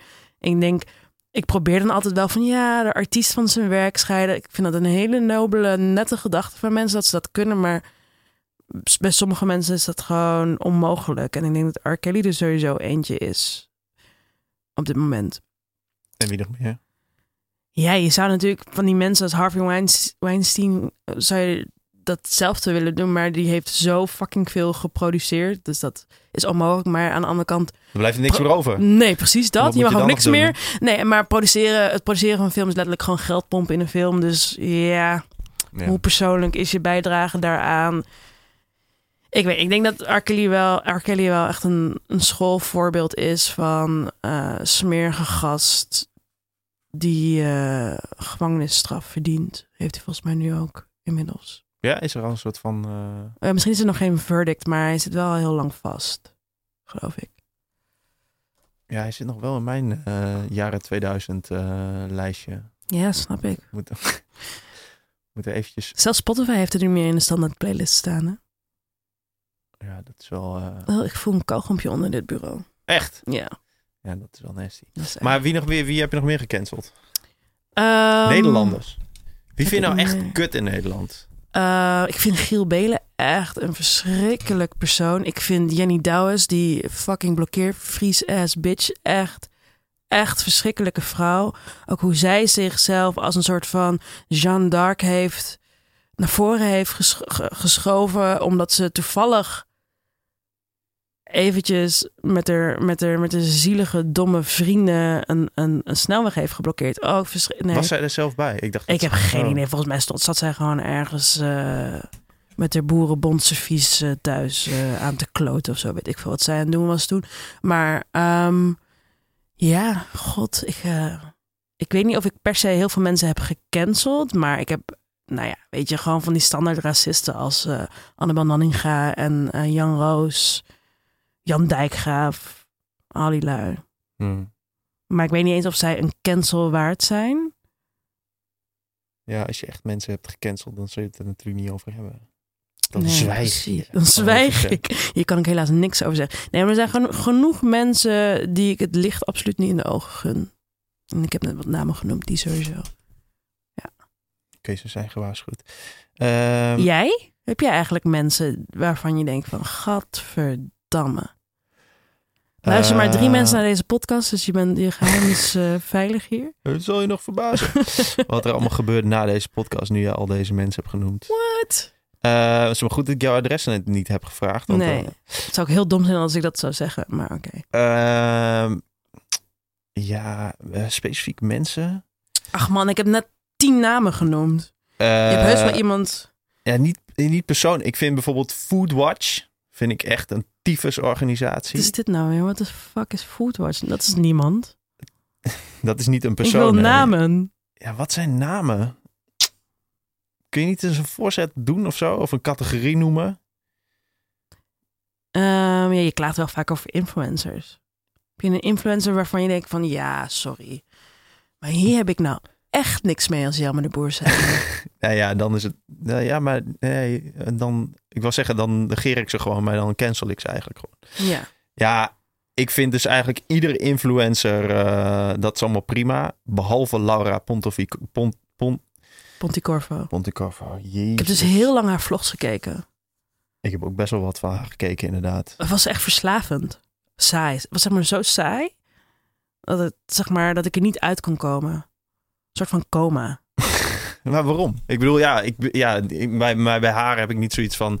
Maar Jezus, wat ben jij een vreselijk mens. Maar ja, Waarom, waarom mag je haar niet dan? Want je hebt wel haar naam genoemd. ja ik, ben gedwongen door jou. Nou, ja, omdat het gewoon zo verschrikkelijk nep is, zeg maar. Het is gewoon, de, de, de mist gewoon Oh, ja, iets dat- van een soort van... Ik heb deze gedachtegang dus ook over haar gehad. En toen dacht ik van ja, maar ik vind het eigenlijk ergens wel vet dat zij relatief schaamteloos is in het aannemen van ehm, eh, opdrachten en eh tutorials en whatever en dingen. Zij, neemt, zij heeft eigenlijk geen eens voor zichzelf volgens mij bedacht van oké, ik doe alleen nog maar dit of ik doe alleen nog maar dingen waar ik zelf. Zij neemt gewoon volgens mij alles aan waarmee ze wel het soort geldwolf is wat ik wel weer kan waarderen. Snap je wat ik bedoel? Zij gaat echt voor het geld en daar wordt zij volgens mij gelukkig van. En ze prijst in één vlog dan eh, een, een blikje cola en dan eh, tien minuten later nog een blikje Pepsi aan. En dat, dat zou zij gewoon allemaal doen. En dat vind ik eigenlijk ook wel leuk. Ja, maar daarom is het ook zo van, ja, ik, ja, eigenlijk, dit is ook gewoon prima, zeg maar. Maar ik vind het zo echt niks. Gewoon, dit. Ja. wat, wat in me opkomt. En voor de rest, eh, ja, ik ben daarentegen wel weer heel erg fan van Monica Geuze. Ik ook. En eh, Love Monica Geuze. ja, en verder, ja, zijn er... Het is ook zo makkelijk, want als je mensen niet tof vindt, dan verdwijnen ze meestal ook gewoon uit je, Ja, als je, uit je online absoluut. En bij mij eh, gaat het ook echt per half jaar dat ik. Want ik kijk meestal vlogs als ik wil ontspannen. In bed lig ik dan, weet je, dan ben ik niet aan het slapen, maar dan, ik nog een beetje wakker aan het worden ben of zo. En dan kijk ik graag vlogs. Het liefst die van Monica, die zijn lekker lang. Ehm, en dan elk half jaar is het dan weer iemand anders. Ik ben dus ook een tijdje verslaafd geweest aan eh, Laura Ponticorvo en haar... En nog meer. Kijk je ook Eng of Amerikaanse? Ja, dat is weer heel gênant. Ik kijk best wel veel Amerikaanse dingen, maar dat zijn dan klus- en schoonmaakvlogs. ik, heb, Nice. ik, heb, ik hou dus heel erg van ehm, helemaal lui en lam in mijn eigen bed liggen en dan kijken hoe een of andere Amerikaanse huismoeder zo'n ontploft huis met zes kinderen erin om, omtovert tot een heel mooi schoon net huis. Oh, Vind ja, ik dat zou ik ook wel fijn. in kunnen komen om dat te gaan kijken. Wauw, dat is echt ontspannend. Dus Oh, wat andere nice. mensen met squash hebben, dat heb ik met dit soort vlogs. Met squash. Ik wil dat doen mensen toch om Oh ja. om dat zal- werkstress van zich af te krijgen of zo. Ik heb geen werkstress op dit moment, maar Oh, ja.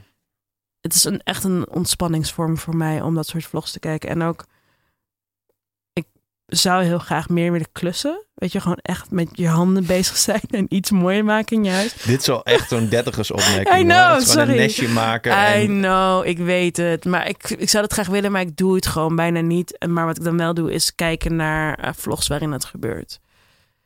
Kijk je dan ook die vlogs van die Indiërs die in, altijd in een jungle een zwembad maken? Ik vind dat ook zo'n mooie niche. Nee, maar ik heb wel eh, deze zomer, dat waren echt iets van tien vlogs of zo van een Nederlands gezin.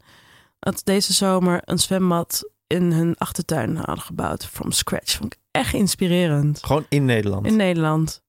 Nice. Dus die kunnen ze maar twee weken per jaar gebruiken. Maar alsnog, ze hebben dus gewoon... Was vrouw, het was zeg maar de vrouw des huizes die, die dat zwembad heeft gebouwd. Ja, dat is wel echt vet, Bijna ja. helemaal in de eentje. Ik vond het echt vet om te zien hoe iemand dan... Ik ben gewoon zelf niet echt bezig met mijn handen, behalve dat ik typ de hele dag. Mhm. Dus misschien is dat... Ik wil niet zo'n standaard millennial zijn die dan opeens bij je gaat houden of zo. Maar misschien word ik wel klusjesman uiteindelijk. Dat zou wel echt nice zijn, ja. Maar heb je nog meer tips? Ik ben eh, nu, nu je toch bezig bent. Weet je nog die naam van die eh zwembadklussers? Ik ga het misschien voor je kunnen, opzoeken. kunnen we dat wel googlen. Ja, ik ga het wel voor je opzoeken. Het is echt heel leuk om naar te kijken. Ehm, maar wat is nog meer tips voor YouTube? Ik weet zijn het er, niet. Zijn er ook soort van Nederlandse vloggers die ook heel erg politiek geladen meningen, dingen, eh, shit hebben? Te weinig voor mijn gevoel. Waarom? Ik zou het leuk vinden om te zien. Als ze strijders zijn. Nee, niet eens per se Ik sta nu op strijders. het Malieveld. Nee, niet eens per se strijders. Maar ik weet wel bijvoorbeeld dat Monica, onze lieve Monica, vorig jaar of twee jaar geleden een keer in... eh, nou, volgens mij was het niet eens op YouTube, maar op Instagram had ze zoiets gezegd van... Ja, waarom doen mensen zo moeilijk over eh roetveeggebied? Dat is toch een prima oplossing? En toen had ze allemaal boze reacties gekregen. Toen dacht ik van, oh, die arme meid. Ze krijgt waarschijnlijk nog veel meer shit over zich heen... dan wanneer jij of ik het in onze bubbel zouden zeggen. Ja, Want zij heeft gewoon een heel groot gevolg van mensen... van allerlei pluimage. Precies. Ehm, dus ik vond het wel vet dat zij eh, eigenlijk iets heel kleins zei, maar daardoor wel eventjes kon proeven van hoe het was om een activist te zijn. Ja. Dus nee, maar ik weet niet of er eh, veel ehm, echt activistische vloggers zijn. Weet jij dat? Kijk, kijk jij daarna? Nou ja, ik weet dat Robert Jensen video's maakt. Oh, ja, maar bij eh, gebrek aan een programma. Loser. in de vorige podcast ging het ook over, over Robert Jensen. Oh. Want eh, die eh, heeft dus een...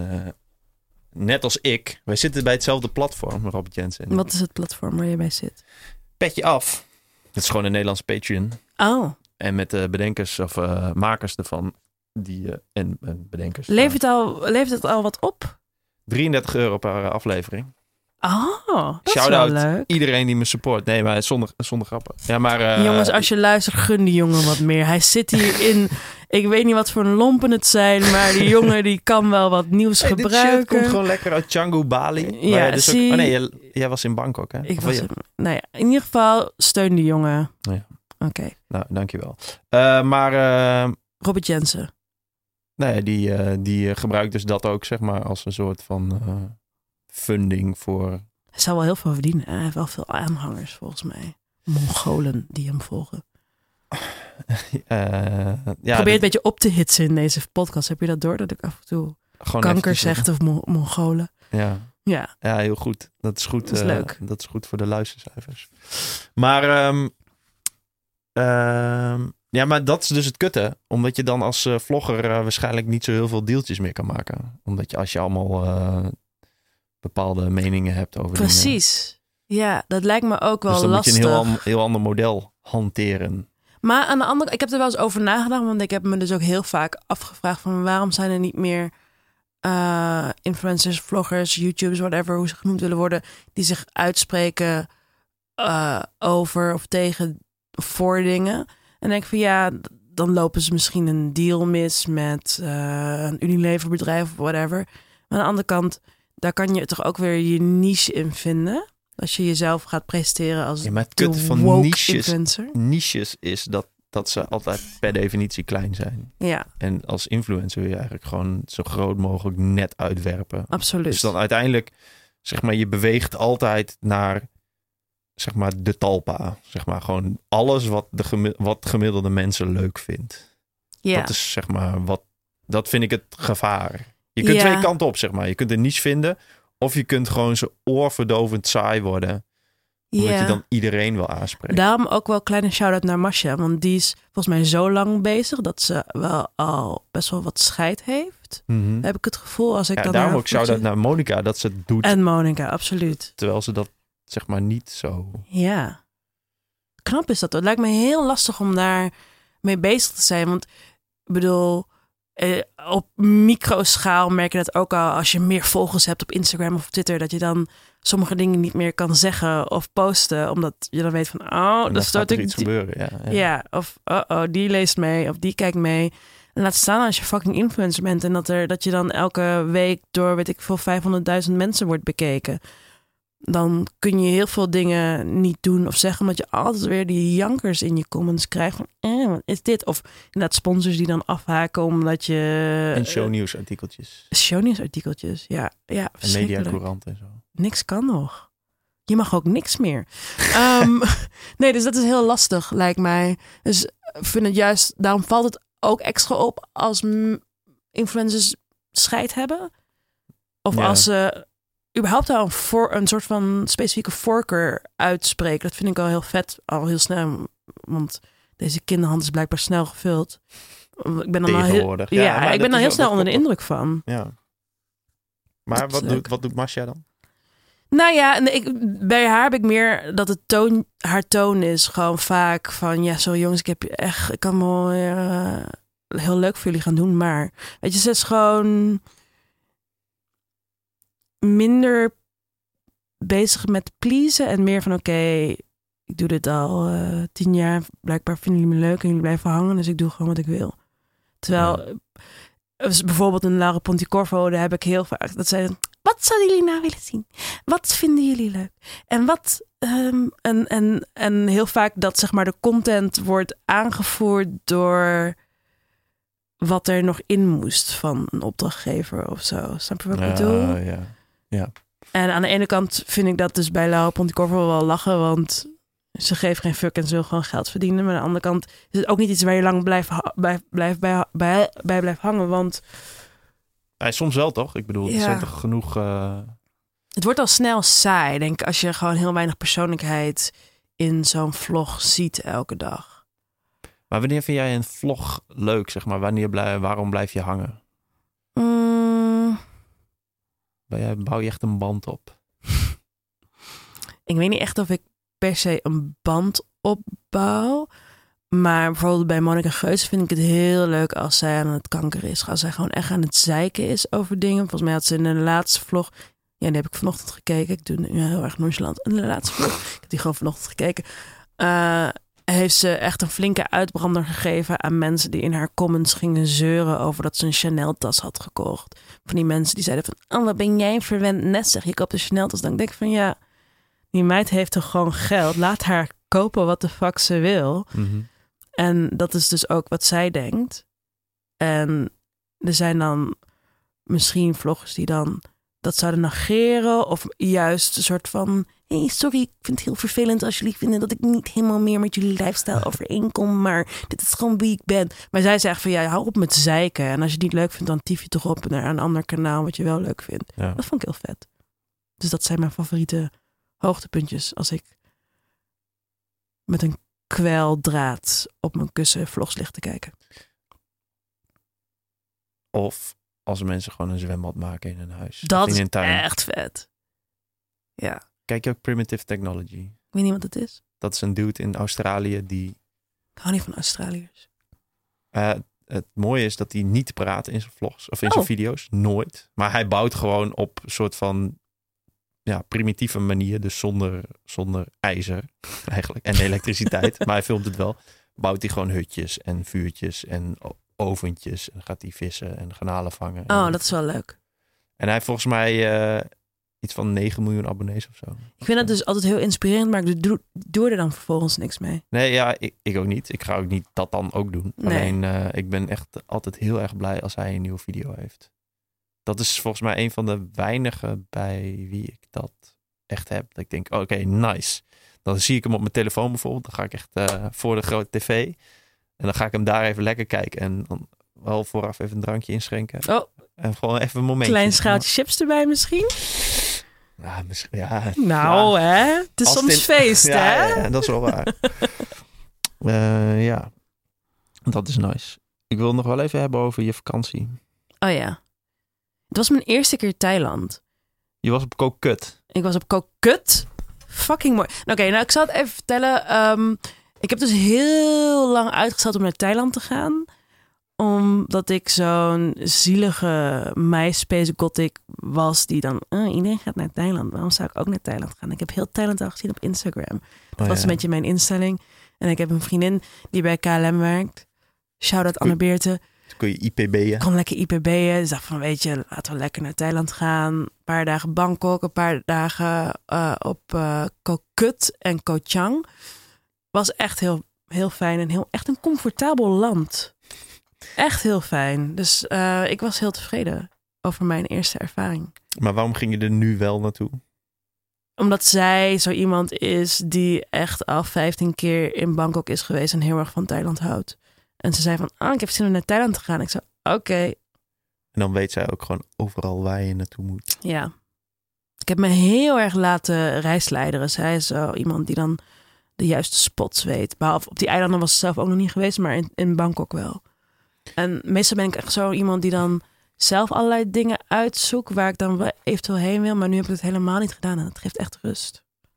Ja, dat is wel nice. Maar jij gaat toch heel vaak naar allemaal gekke Europese steden en zo? Wat toch gewoon. Die mee. indruk krijg ik. Oh, ik vind het wel leuk, ja. Waarom vind je dat leuk? Omdat ik, ehm, nou ja, omdat ik denk, ik vind het altijd wel makkelijk om dan naar de andere kant van de wereld te vliegen, wat ik ook gewoon daarnaast doe. Maar ik vind Europa ook nog gewoon wel echt een ontdekking. Ehm, Wat trekt jou in, zeg maar, reizen dan? Want ik bedoel, ja, wat... Je ik gaat weet naar, niet. Je gaat naar Bangkok omdat, je, omdat die vriendin dat tof vindt en jij dan dus ook. Maar wat ga je dan doen? Soms nou, ondergang bij kijken mij, en... nee, bij mij is het echt een oerinstinct dat ik gewoon meestal ongeveer elk kwartaal zo'n gevoel krijg van, oh ja, ik wil hier nu even niet zijn. Snap je dat? Ik weet Oh, niet of dat herkent. vluchten in plaats Ja, van... het is eh, absoluut vluchten van wat ik dan op dat moment aan het doen ben in Nederland. En ehm, dat kan dan, weet ik veel, naar Zuid-Frankrijk zijn of naar Bangkok. Maar ik wil gewoon op den duur na twee maanden of zo wil ik weer weg. Ik heb nu dan bijvoorbeeld niks in het vooruitzicht staan. Dat vind ik heel irritant. mhm. Dat je niet weet wat, wat je volgende tripje is. Tripje. Ugh. Wanderlust. Nee, maar ehm, het, wat me trekt is gewoon nieuwe plekken ontdekken eh, en zien. En vooral heel veel vreten. En eh, relaxen. Hoewel, vaak kom ik niet uitgerust terug eigenlijk. Waarom niet? Ik weet niet. Omdat heb je ik, dan niet gerelaxed? Heb je dan niet gewoon... Jawel, dan heb ik wel... Nou ja, ik heb ehm, wel relax vakanties. Je maar mist toch je eigen bed, hè? Nee, niet eens. Maar ik heb dan wel gewoon nog altijd een soort van. Heb je dat niet als je ergens bent dat je dan zeg maar de drang voelt om alles te zien? Ik huur dan ook vaak een auto. Dat vind ik heel erg leuk. Of een scooter, whatever. Gewoon dat ik gewoon zoveel mogelijk. in me op kan nemen. Mm, Nee. Of ben jij zo iemand die twee weken in hetzelfde hotel kan liggen en niks doen? Dat vind ik steeds moeilijker worden nu ik ouder word. Ik weet niet Nee, dat heb ik ook niet. Alleen ik denk dat er ook gewoon nog wat tussenin zit, wat waarschijnlijk 80% van de mensen heeft. En daar hoor Ja. ik bij. vind het wel tof om van tevoren dingen op te zoeken, maar ook weer niet alles. Ik spreek bijna nooit, zeg maar, andere reizigers, zeg maar. Ik ben het te introvert voor of zo. Oh, op ter Zagger- plekke bedoel je? Zaggerijnig hoofd. Het is ook niet Oh, zo daar dat ik ik iemand, ook echt niet dat ik van. iemand spreek en dan denk ik, oh ja, ik ga wel mee naar die shoppingmall met jullie. Nee, maar Ja, want ik heb echt een shoppingpartner nodig, jongens. Nee, ik, moest, ja, ik was met Jenny in eh, Italië en toen eh, bij zo'n B&B heb je natuurlijk gewoon Contact. contact met een andere stel, wat gewoon Nederlandse Oh, mensen uit... eh, Ik vind dat het altijd heel erg dat je dan zogenaamd spontaan, maar toch eigenlijk heel geforceerd stelletjes gesprekken aan het voeren bent. nee, ja, dat is op zich wel prima. Ik bedoel, dat je bent natuurlijk ook gewoon een mens. Alleen dan, Is ook zo. dan, dan is het dan direct van een soort van toneelstuk over hoe lang ben je hier al? Hoe lang zijn jullie hier al? Mhm. Waar eh, gaan jullie nog naartoe? Hebben jullie dit al gezien? Maar ja, toen kreeg ik dus een tip van hem om een shoppingmall, shoppingmall te bezoeken. omdat daar de artikelen van Guess heel goedkoop waren. En heb je dat gedaan? Nee, nee, maar ja, dat, eh, dat vond ik mooi. Maar ik zou wel liever iemand zijn die wel, zeg maar, wat spontaner met andere mensen wat zou gaan doen. Want ik denk dat veel Ja. meer mensen zo zijn. Ik heb dus eh, daar vandaag ook een kleine confession over gedaan. Ik, mensen denken volgens mij heel vaak dat ik een extra ver, persoon ben, maar dat is echt letterlijk alleen. Het klinkt heel erg cool en uh, drank. Maar als ik dronken ben, dan ben ik heel erg outgoing. En nu ook op die vakantie met een vriendin van mij in Thailand op Koh Chang. Dat is echt zeg maar zo'n, dat is wel een beetje zo'n backpackers-eiland waar mensen dan in een kroeg in hun olifantenbroek gaan zitten en zo. En daar Mhm. ben ik na een paar buckets te heb ik wel mensen aangesproken. Dat was ook echt zo, zeg maar. Ik dacht dat jij gewoon dat fenomeen belachelijk maakte. Maar je Nee, zat er gewoon... en ik zat erbij en ik was de aanstichter ervan, want ik heb die mensen erbij gevraagd van come sit with us. Heel cool en open was ik. Terwijl als ik nuchter ben en als het gewoon overdag is, dan, oh, dan krijg ik al gewoon kriebels van oogcontact maken met mensen, omdat ik dan bang ben dat ze op me afkomen. Ik, dus ik, Maar waarom dan? Ben je bang dat je overbodig bent of zo? nee, helemaal niet Of saai bang. bent? Nee, juist gewoon bang dat zij saai zijn. En ja. gewoon dat ik gevangen raak in een gesprek. En ik dacht daar... la- Nee, ik las daar laatst ook iets over. Iemand die zei dat ook. Ik dacht van, ja, dat heb ik ook. Weet je, dat ik het allerergste aan feestjes bijvoorbeeld vind ik... dat mensen me kunnen vangen in te lange gesprekken. En mijn ideale feestje of huisfeestje... plek waar ik dan rondloop... is dat ik per drankje weer door kan naar een volgend gesprek. Omdat ik het. Ik vind het altijd zo heftig om echt gehakt te worden door iemand die dan intens in je ogen. En dan bijvoorbeeld, eh, hoe is het op werk? En, Mhm. en van die small talk die dan overgaat in een lang gesprek. Ja, ik vind dat. Ik weet niet, en op vakantie is dat ook. eh, vind ik het heerlijk om mezelf gewoon af te zonderen met mijn vriend of eh, vrienden met wie ik op vakantie ben. Gewoon echt geen behoefte aan andere mensen eigenlijk. 9 van de 10 keer.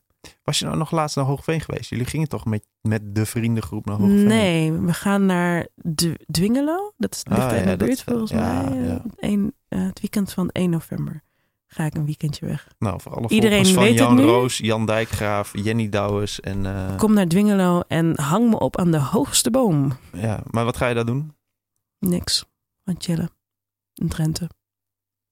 En, eh, Neem je dan spelletjes mee? Is er een programma wat jullie normaal gaan... eh, Nee, en ik, ik, ik wil dus... Oh, ik ben zo'n cliché, maar ik wil dus in november ook niet drinken. Dus het wordt ook al geen waarom? Ik weet niet, omdat ik zeg maar nog steeds in een soort van nasleep van de zomer zit. En in de zomer zuip ik altijd echt extra veel. Gewoon terrasjes, gezellig doen met de meiden. En daarom wil ik daar een soort van eventjes doorbreken. Dat ik niet meer drie dagen per week... Ladden zat en... Nee, niet ladder zat, maar gewoon, weet je, dat het gewoon wel aantikt of zo. Mhm. Dus ik zit in een droge maand. Dus dat worden bordspelletjes, denk ik. Maar dat, het begint net, zeg maar, dan eh, jouw... eh, Ja, 1 november. kun je niet net even daarna... Nee, zeg maar- Dat is dus het ding. Als je dit vertelt aan mensen. Ik heb ook een vriend die is eind november jarig. En die zei zo van... Ja, maar op mijn verjaardag gaat hij gewoon, gewoon drinken. Ik dacht van... Oh, ik ben dus echt een saaie rotwijf als ik niet drink blijkbaar. Vind je me ook saai nu? Nee, ja, ik vind Nee, dat... ja, ja. Dat heb je, daar moest je te lang over nadenken. Ik heb ook heel vaak van die periodes gehad dat ik gewoon lang niet dronk. En eigenlijk is dat allemaal niet zo Het is gewoon geen big deal. Behalve de mensen om je heen maken er een big deal van. Ja, dat. En, en ik ben net zoals jij op feestjes, zeg maar. Ja, ik ben wel gewoon wat, uh, ben je wat leuker dan ontspannender, ontspannender als je wat drankjes op hebt. Ja. En bovendien is het dan ook wel wat makkelijker contact maken als je een drankje hebt. Ja. Ehm, Nou, ik heb ook wel eens, ik heb een paar jaar terug heb ik eh, twee maanden niet gedronken. En toen heb ik ook gewoon best wel leuke feestjes gehad. Toen ik helemaal erin zat van het, ik, ik drink niet, maar ik kan alsnog gewoon plezier hebben. Dus het kan echt wel. Het is gewoon meer, ja, hoe werkt dat dan? je moet gewoon echt energie hebben wel om met mensen te dealen die dronken zijn en te dansen als je danst. Ik weet Ah, niet, ja. dans jij? Ja. Nee, nee, nee, absoluut niet. Maar het is vooral energie hebben om te dealen met mensen die je de hele tijd vragen van... Oh, maar waarom dan één drankje dan? Één drank. En dat hoor je zo vaak. Mhm. En dan denk je van, ja, wat nou als ik echt alcoholist was? Dan was het echt, echt heel moeilijk het leven. Je heet het zo wordt gepusht of verleid of aan je wordt getrokken om maar te zuipen. Ja, dat Je, begrijp je niet verkeerd, ik hou van een... eh, alcoholist. Nee, ik wou zeggen van een alcohol. Maar ik hou van een goede alcoholist. Voor mijn Albert Heijn. Nee, maar eh, ja, dat lijkt me gewoon heel vermoeiend. Dus ik ben blij dat het dan telkens maar voor korte periodes is dat ik eventjes... Ja, maar dan kun je er toch wel mee omgaan. Kijk, ik keek vroeger altijd van die eh, pick-up artist eh, seminars. En dat zei dus ook altijd, maar je mag, je mag sowieso niet drinken. Want je moet, je moet gewoon allemaal vanuit jezelf komen, zeg maar. We zijn het dan helemaal dat soort... Moet ik dit nu laten gaan, wat je net vertelde? Ja, je, net doen we, doen we mee wat je wil. Maar wil, Nee. wil- wil je, hoe- hoe lang geleden was dit? Toen ik studeerde in Groningen, ik denk tussen mijn eh, negentiende en... eh, nee, ik heb gestudeerd tot, tot mijn 25ste. Heb je daar wel eens eh, succes mee gehad met zo'n pick-up techniek? Ja, het zijn wel technieken die je dan eh, mee kunt nemen. Wat erg. Ja. ja maar het is eigenlijk, het is eigenlijk gewoon psychologie. Hè? Ja, dat nee, maar ik, klopt, ik maar- dacht, ik dacht kijk, het, de, het simpelste is gewoon een paar drankjes, zodat je een beetje lam bent. En Ja. dan, dan is het heel makkelijk. Alleen volgens mij is zeg maar gezellig zijn als je niet drinkt voor mensen die heel vaak deze techniek, zoals ik die net zei, zeg maar gewoon zuipen, Mhm. gebruiken heel erg moeilijk en kost dat heel veel soort van training. Ja. Dus ik vroeg me af van, maar heb jij dan ook een soort van dat zo'n training gehad? Nee, ik heb geen training gehad. Weet je, ik, ik denk ook echt niet dat ik een super ongezellig of zagrijnig of timide mens ben als ik niet een biertje op heb of zo. Maar ehm, misschien eerder een beetje. eh, ehm, gewoon, ik heb dan gewoon meer zin om op de bank te liggen. Dat is het vooral. Ik heb dan gewoon eigenlijk helemaal geen geduld voor socializen of geduld voor heel hard lachen om andermans grappen of geduld voor geïnteresseerd luisteren. Ik, ik heb misschien is het niet per se uit een soort. Nou ja, het is wel. Ja. Ik weet niet. Ik heb dan. Ja, gewoon echt.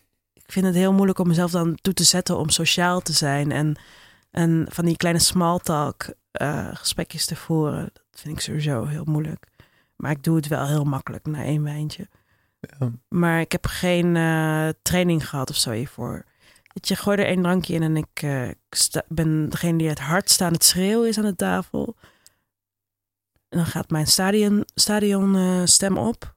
En dan is het... eh, ja, maar dat is echt... Het is gewoon heel overdreven. Terwijl ik thuis gewoon altijd stil op de bank... Nee, trouwens, ik ben ook wel... Met mijn vriend ben ik ook vaak luid. Maar Misschien heeft jouw buurvrouw ook al last van jou. ik hoop het. Ik scheld wel heel vaak naar boven. Ja, dat doe ik echt. Ik denk wel dat ze het gewoon horen. Maar ja, nee, ik weet niet. Ja, ik ben gewoon eh, misschien liever eh, lui dan gezellig. Dat is een goeie. Ik weet niet of het per se timide en verdrietig eh, lichtelijk op het spectrum is of zo. Maar het is meer gewoon dat het voor mij echt een taak is om nuchter outgoing te zijn. Ja, dus als er mensen luisteren die daar eh, een mooie instructie, manual, eh, cursus online voor Wie kan eh, mij fixen? 147 euro. Hoe, hoe gezellig te zijn zonder alcohol? Ja. Nou, Dan ben ik er wel benieuwd naar. Of kom een keer bij de podcast langs. Ja, Dat is nice. Nou ja, leuk boek man. dankjewel. Weer nog iets... Vond je het echt leuk of, of zeg je dat om mij te pleasen? Nou, ik heb dus eh, heel, heel vaak zijn er mensen in de podcast die eh, een boek hebben gemaakt. Mhm. En in mijn boeken, jelmedeboer.nl slash boekenreviews, krijgen ze allemaal een 6,4. nee, ja, ik vond het echt een leuk boek. Ik bedoel, eh, wat ik net zei, heel veel mensen hebben de podcast geluisterd over Dertigers Dilemma. Eigenlijk gaat het over hetzelfde, maar is het een hele andere manier van opschrijven. En ik denk dat ook heel veel mensen die de podcast luisteren jou wel kennen. In hoeverre is het anders dan? Wat is, het wat is er anders aan? Is het Eh, leuker, is dat wat je wilt zeggen? Is het Ik leuker moet wel, moest wel vaker lachen, inderdaad. En Yes. wat ik de vorige keer ook tegen jou zei in, in deze podcast, dat jij een van de weinige mensen bent die me echt soort van even ja, met beide benen op de grond zetten, is misschien niet wat ik wat de, de beste omschrijving. Maar jij karakteriseert wel vaak een persoon waarvan ik denk, fuck, dat ben ik. Tyfuszooi. Ik denk dat- ook heel vaak aan jou als ik dingen zeg. Nee, hoe ga ik Nee, die maar- jongen kapot maken? Nee, maar dat vind ik, dat vind ik wel eh, heel erg mooi. Want kijk, ja, heel vaak hebben mensen wel kritiek op mij. En dan denk ik heel vaak van ja, maar je hebt ongelijk, dus ik kan hier niks mee. en, eh, wel dus- een mooie instelling. en, eh, en, maar ja, jij hebt dat dus wel. En in dat boek ehm, kwam ik dat ook heel vaak tegen. En eh, ja, voor de rest is het gewoon eh, Het wordt heel intiem nu eigenlijk. 170 pagina's. eh, Ja. De tweets Lekker van, kort, jongens. van Carmen aan het Hartstikke woord. kort, weet je. Je bent er zo doorheen. Eén kaksessie. Maar even alle gekheid op een stokje. Wil je, heb je nog eens een soort van doel met het, met het boek, zeg maar? Is het, is het dat je iets ziet in de wereld, of, ja, of de wereld nou Twitter is of niet, maar dat je denkt van, mm, Jij met dat Twitter de hele tijd. Ja, maar dit is toch een heel belangrijk onderdeel Ja, van jou en mijn leven. Ja, dat ik is bedoel, waar. het is wel Nee, ja, eh, het tweede scherm, toch? Ja, ik, ik- nou ja, ik, ehm, ik weet een echt doel met het boek. Ik, het lijkt me gewoon heel leuk als het terechtkomt bij mensen die me nog niet kennen van Twitter, Instagram of mijn andere werk, mijn voorgaande stukken. Weet je, ik, het lijkt me heel leuk eh, om veel gelezen te worden en dat mensen om kunnen lachen. Want dat vind ik altijd wel leuk. Een lach. ja, maar niet, niet zo van, niet schateren, want het is geen, het is geen moppenboek of zo. Maar eh, nou, misschien ook wel iets, iets in herkennen. ja, Ja, dat zou wel leuk zijn. en moet ze er ook nog verder iets mee doen? Jij wil iets uit mij trekken, maar ik weet niet wat. Ik bedoel, Nee, nee, ja, omdat je heel vaak ja, misschien toch, leren doet- ze er iets van. Ja, Je bent, maar je bent best wel. Je doet vaak lacherig over dingen en eh, je neemt het niet zo serieus. En ook jezelf niet. Nou, en, dat, nou, nou. en dat vind ik wel mooi. Alleen aan, de- aan de andere kant heb je. ehm, je hebt, ja, dit is wel iets serieus. Zeg maar. Nee, weet je wel, het eerste wat ik over... Ik ga nu weer als oudere vrouw ga ik iets vertellen. Maar eh, in de jaren dat ik schrijf... hm, eh, heb ik geleerd dat je mensen echt dingen... Weet je, ik ben echt geen eh, Dalai Lama die je dingen gaat vertellen... over hoe het moet in het leven... of hoe je verder komt, of hoe je gelukkig wordt, bla, bla, bla. Maar ik denk wel dat er in dit boek dingen staan... waar ehm, mensen zich of in kunnen vinden, of dat iemand zegt van, oh, wat leuk dat er ook mensen zo zijn, zo lui zijn zoals Carmen en zo uitgesproken vervelend als Weet je, wat fijn dat ik er ook mag zijn, want ik ben precies, weet je, misschien kunnen ze, kunnen ze er wel iets mee. En ik heb dan, wat is het verhaal even afmaken, wat ik, waar ik deze zin mee begon, want ik ben heel onduidelijk volgens mij, maar in al die jaren dat ik eh, stukken schrijf, heb ik wel geleerd dat je mensen ehm, iets bij kan brengen zodra je het met een soort van glimlach doet. Ja. Ehm, en of dat nou dertigers zijn of weet je, de jongere doelgroep waar ik voor schreef bij de Gladiol. Maar als je ze iets van, kan activisme zijn of een soort van zelf, eh, zelfkennis, whatever. Als je iets, mensen ergens over na wil denken, dan is het met een grapje Met- nog makkelijker. Ja. ja, met emotie, vind ik. Vaak. Ja. En dat kan ook wel gewoon een soort van chagrijn zijn. Absoluut. Of woede. Grapjes. Weet je, grapjes liggen bij mij heel vaak dicht aan ergernis en woede en kwaadheid. En dat is, Maar vind je dan ook, zeg maar... Kijk, je had ook een heel serieus boek kunnen schrijven. weet ik niet of ik dat had gekund. Nou ja, ik bedoel meer eigenlijk dat er... Er zijn heel veel boeken die serieus zijn over... Ja, misschien dat alles wel ligt in, een, in de categorie zelfhulp, zeg maar. Ja. Maar is het dan ook een soort van... ehm, antwoord daarop? Niet specifiek zo over nagedacht. Ik lees dus heel weinig zelfhulpboeken. Ik heb daar helemaal niks mee. Ik zou heel graag een keer een zelfhulpboek willen schrijven over hoe om te gaan met zo fucking veel zelfhulpboeken. En hoe vind je het juiste zelfhulpboek voor de hulp die je nodig hebt. Maar ik heb daar zelf eigenlijk niet over nagedacht van, oh ja, ik heb tijdens het schrijfproces nooit gedacht van, oh, dit ga ik zo opschrijven, want zo kunnen mensen dit meenemen en er iets mee doen. Ik heb, het is gewoon een soort van, zo zit het in mijn hoofd en zo ga ik het op papier zetten. En ik vind het heel vet om dan te horen, krijg ik soms ook al op mijn stukken die ik dan deel. Vandaag ook van een meisje die dan, oh nee, was gisteren had ik een, een column gedeeld over dat ik relatief eh, zeer money-minded ben qua carrière en ambitie en zo. Daar heb ik ook een heel hoofdstuk over geschreven. En er was een meisje dat dan stuurde. Ik ken haar niet persoonlijk, maar die zei dan van... Oh ja, wat fijn om te horen dat dit gewoon ook kan. Want ik durf er nooit voor uit te komen bij mijn vrienden. Die zijn allemaal universitair opgeleid en heel erg bezig met hun carrière... en welke functies ze graag willen en waar ze over vijf jaar willen zijn. Terwijl ik eigenlijk alleen maar gewoon eh, genoeg wil verdienen om eh, zo min mogelijk te doen. Toen denk ik van ja, Mhm. zeg ik nou iets heel geks? Heb ik iets aangeboord wat, wat andere mensen misschien nog niet hebben aangeboord? Of heeft deze meid gewoon heel weinig gelezen? Dat kan ook. Nee, maar ik, ik, ik weet niet. Misschien zijn er wel mensen die, eh, die dit boek als leerzaam ondervinden. Misschien komt het wel, eh, is het ooit wel studiemateriaal? Oh, dat zou ik zo leuk vinden. dat zou ik zo leuk vinden. Nou, Ja. we- we gaan het meemaken. Eh, wanneer ligt het in de winkel?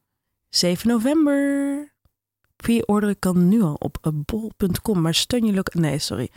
Ja, ik zou gewoon je, je lokale boekhandel steunen. Dat is hartstikke leuk. Kun je gewoon daar ook zeggen van, yo, ik ben op zoek naar dit boek en kunnen jullie het alvast bestellen en bel Volgens mij. mij als wel. het- Heb je dat nooit nagevraagd? Want jij bent toch al die boekhandels langs geweest in heel Nederland. Dat, gevoel heb ik altijd bij jou. op mijn fiets met fietstassen. Ja, jongens, alsjeblieft. Hier, nee, nee, nee, ik heb dat, Maak eh, me los. ik heb dat, eh, dat level totaal niet uitgespeeld. Oh, Nee, ik weet, ik weet helemaal niet. eh, ik heb er wel heel veel tijd aan besteed hoe dat allemaal werkt. Alleen ik, ik heb geen idee. volgens mij kan dat. Ja, Ja. het, ligt er, het ligt er dus aan of die boekhandel het aangesloten is bij een of andere organisatie Ja, die centraal dat. inkoopt, bijvoorbeeld een ACO. Ja. En dan moet de ACO inkopen dan weer jouw boek hebben ingekocht bij Spectrum. Nou, dat zal, eh, dat zal allemaal goed geregeld zijn. Hopelijk voor je. Dan kan het. Tuurlijk. En als het een of andere eh, over het ei boekhandel in de, in de hoe heet de straat bij mij? Van de? Pek, oh, die is wel cute, Ja. toch? Die Die boekhandel. eh, zal wel nergens bij zijn aangesloten. Misschien wel. Dan eh, kunnen ze het sowieso wel inkopen. Dus ja, meestal kunnen ze het wel inkopen. En anders is er een boekpresentatie op 8 november bij Hoogstens om 5 uur. Ik Hebben allemaal mensen afgezegd al? Of? Nee, nog niet. Maar ik mocht maar een bepaald aantal mensen uitnodigen. Maar ik zit eraan te denken om toch een soort van Project X van te maken. Dus dat er gewoon zoveel mensen langskomen. Oké, bedoel, nog één keer. Hoogstens op de Kinkerstraat. 8 november. In Amsterdam-West. Amsterdam-West uiteraard. 8 november van 5 tot 7 Is dat ook omdat jij, omdat bij jou van vijf tot zeven, omdat het Ja. bij jou om de hoek is? Ja. Zodat je lopend kan. ja.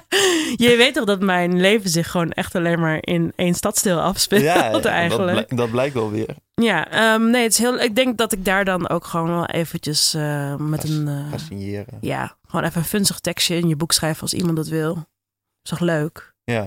Ik zit dan wel in mijn droge maand, maar ik ga dan stiekem één prosecco drinken, denk ik. Ja, regels zijn er om gebroken te worden. Oké, nou, ehm, Top. ja. Ik Wat erg dat we daarmee afsluiten met jouw spreuk. Ja, we kunnen nog wel eventjes... eh, nee, hoeft niet. Ja, maar ik wil... Oh. Ja, zeg, wat wil je? zeg maar wat je wil. Nee, echt geen idee. Oké, bedankt voor het luisteren. Eh Carmen, bedankt voor je aanwezigheid. Je bent dus vanaf nu eh, officieel silver member. Mhm. En misschien eh, dat, eh, dat ik er binnenkort op terugkom wat dat voor privilege dat heeft. Behalve die snicker. Heel veel zin Waarom wordt het trouwens ges- uitgesproken zonder S? Dat vraag ik me altijd af. Ik zeg altijd Snickers. Ja, behalve aan het begin van de podcast. Oké, kun je terugluisteren? Een snicker. Oké, nou ja, daar denken we nog even over na. Mensen, bedankt voor het luisteren. Check eh, ik weet het ook niet.nl. En dan zie je alle podcasts. En dan ehm, tot volgende week. Ciao. Doei.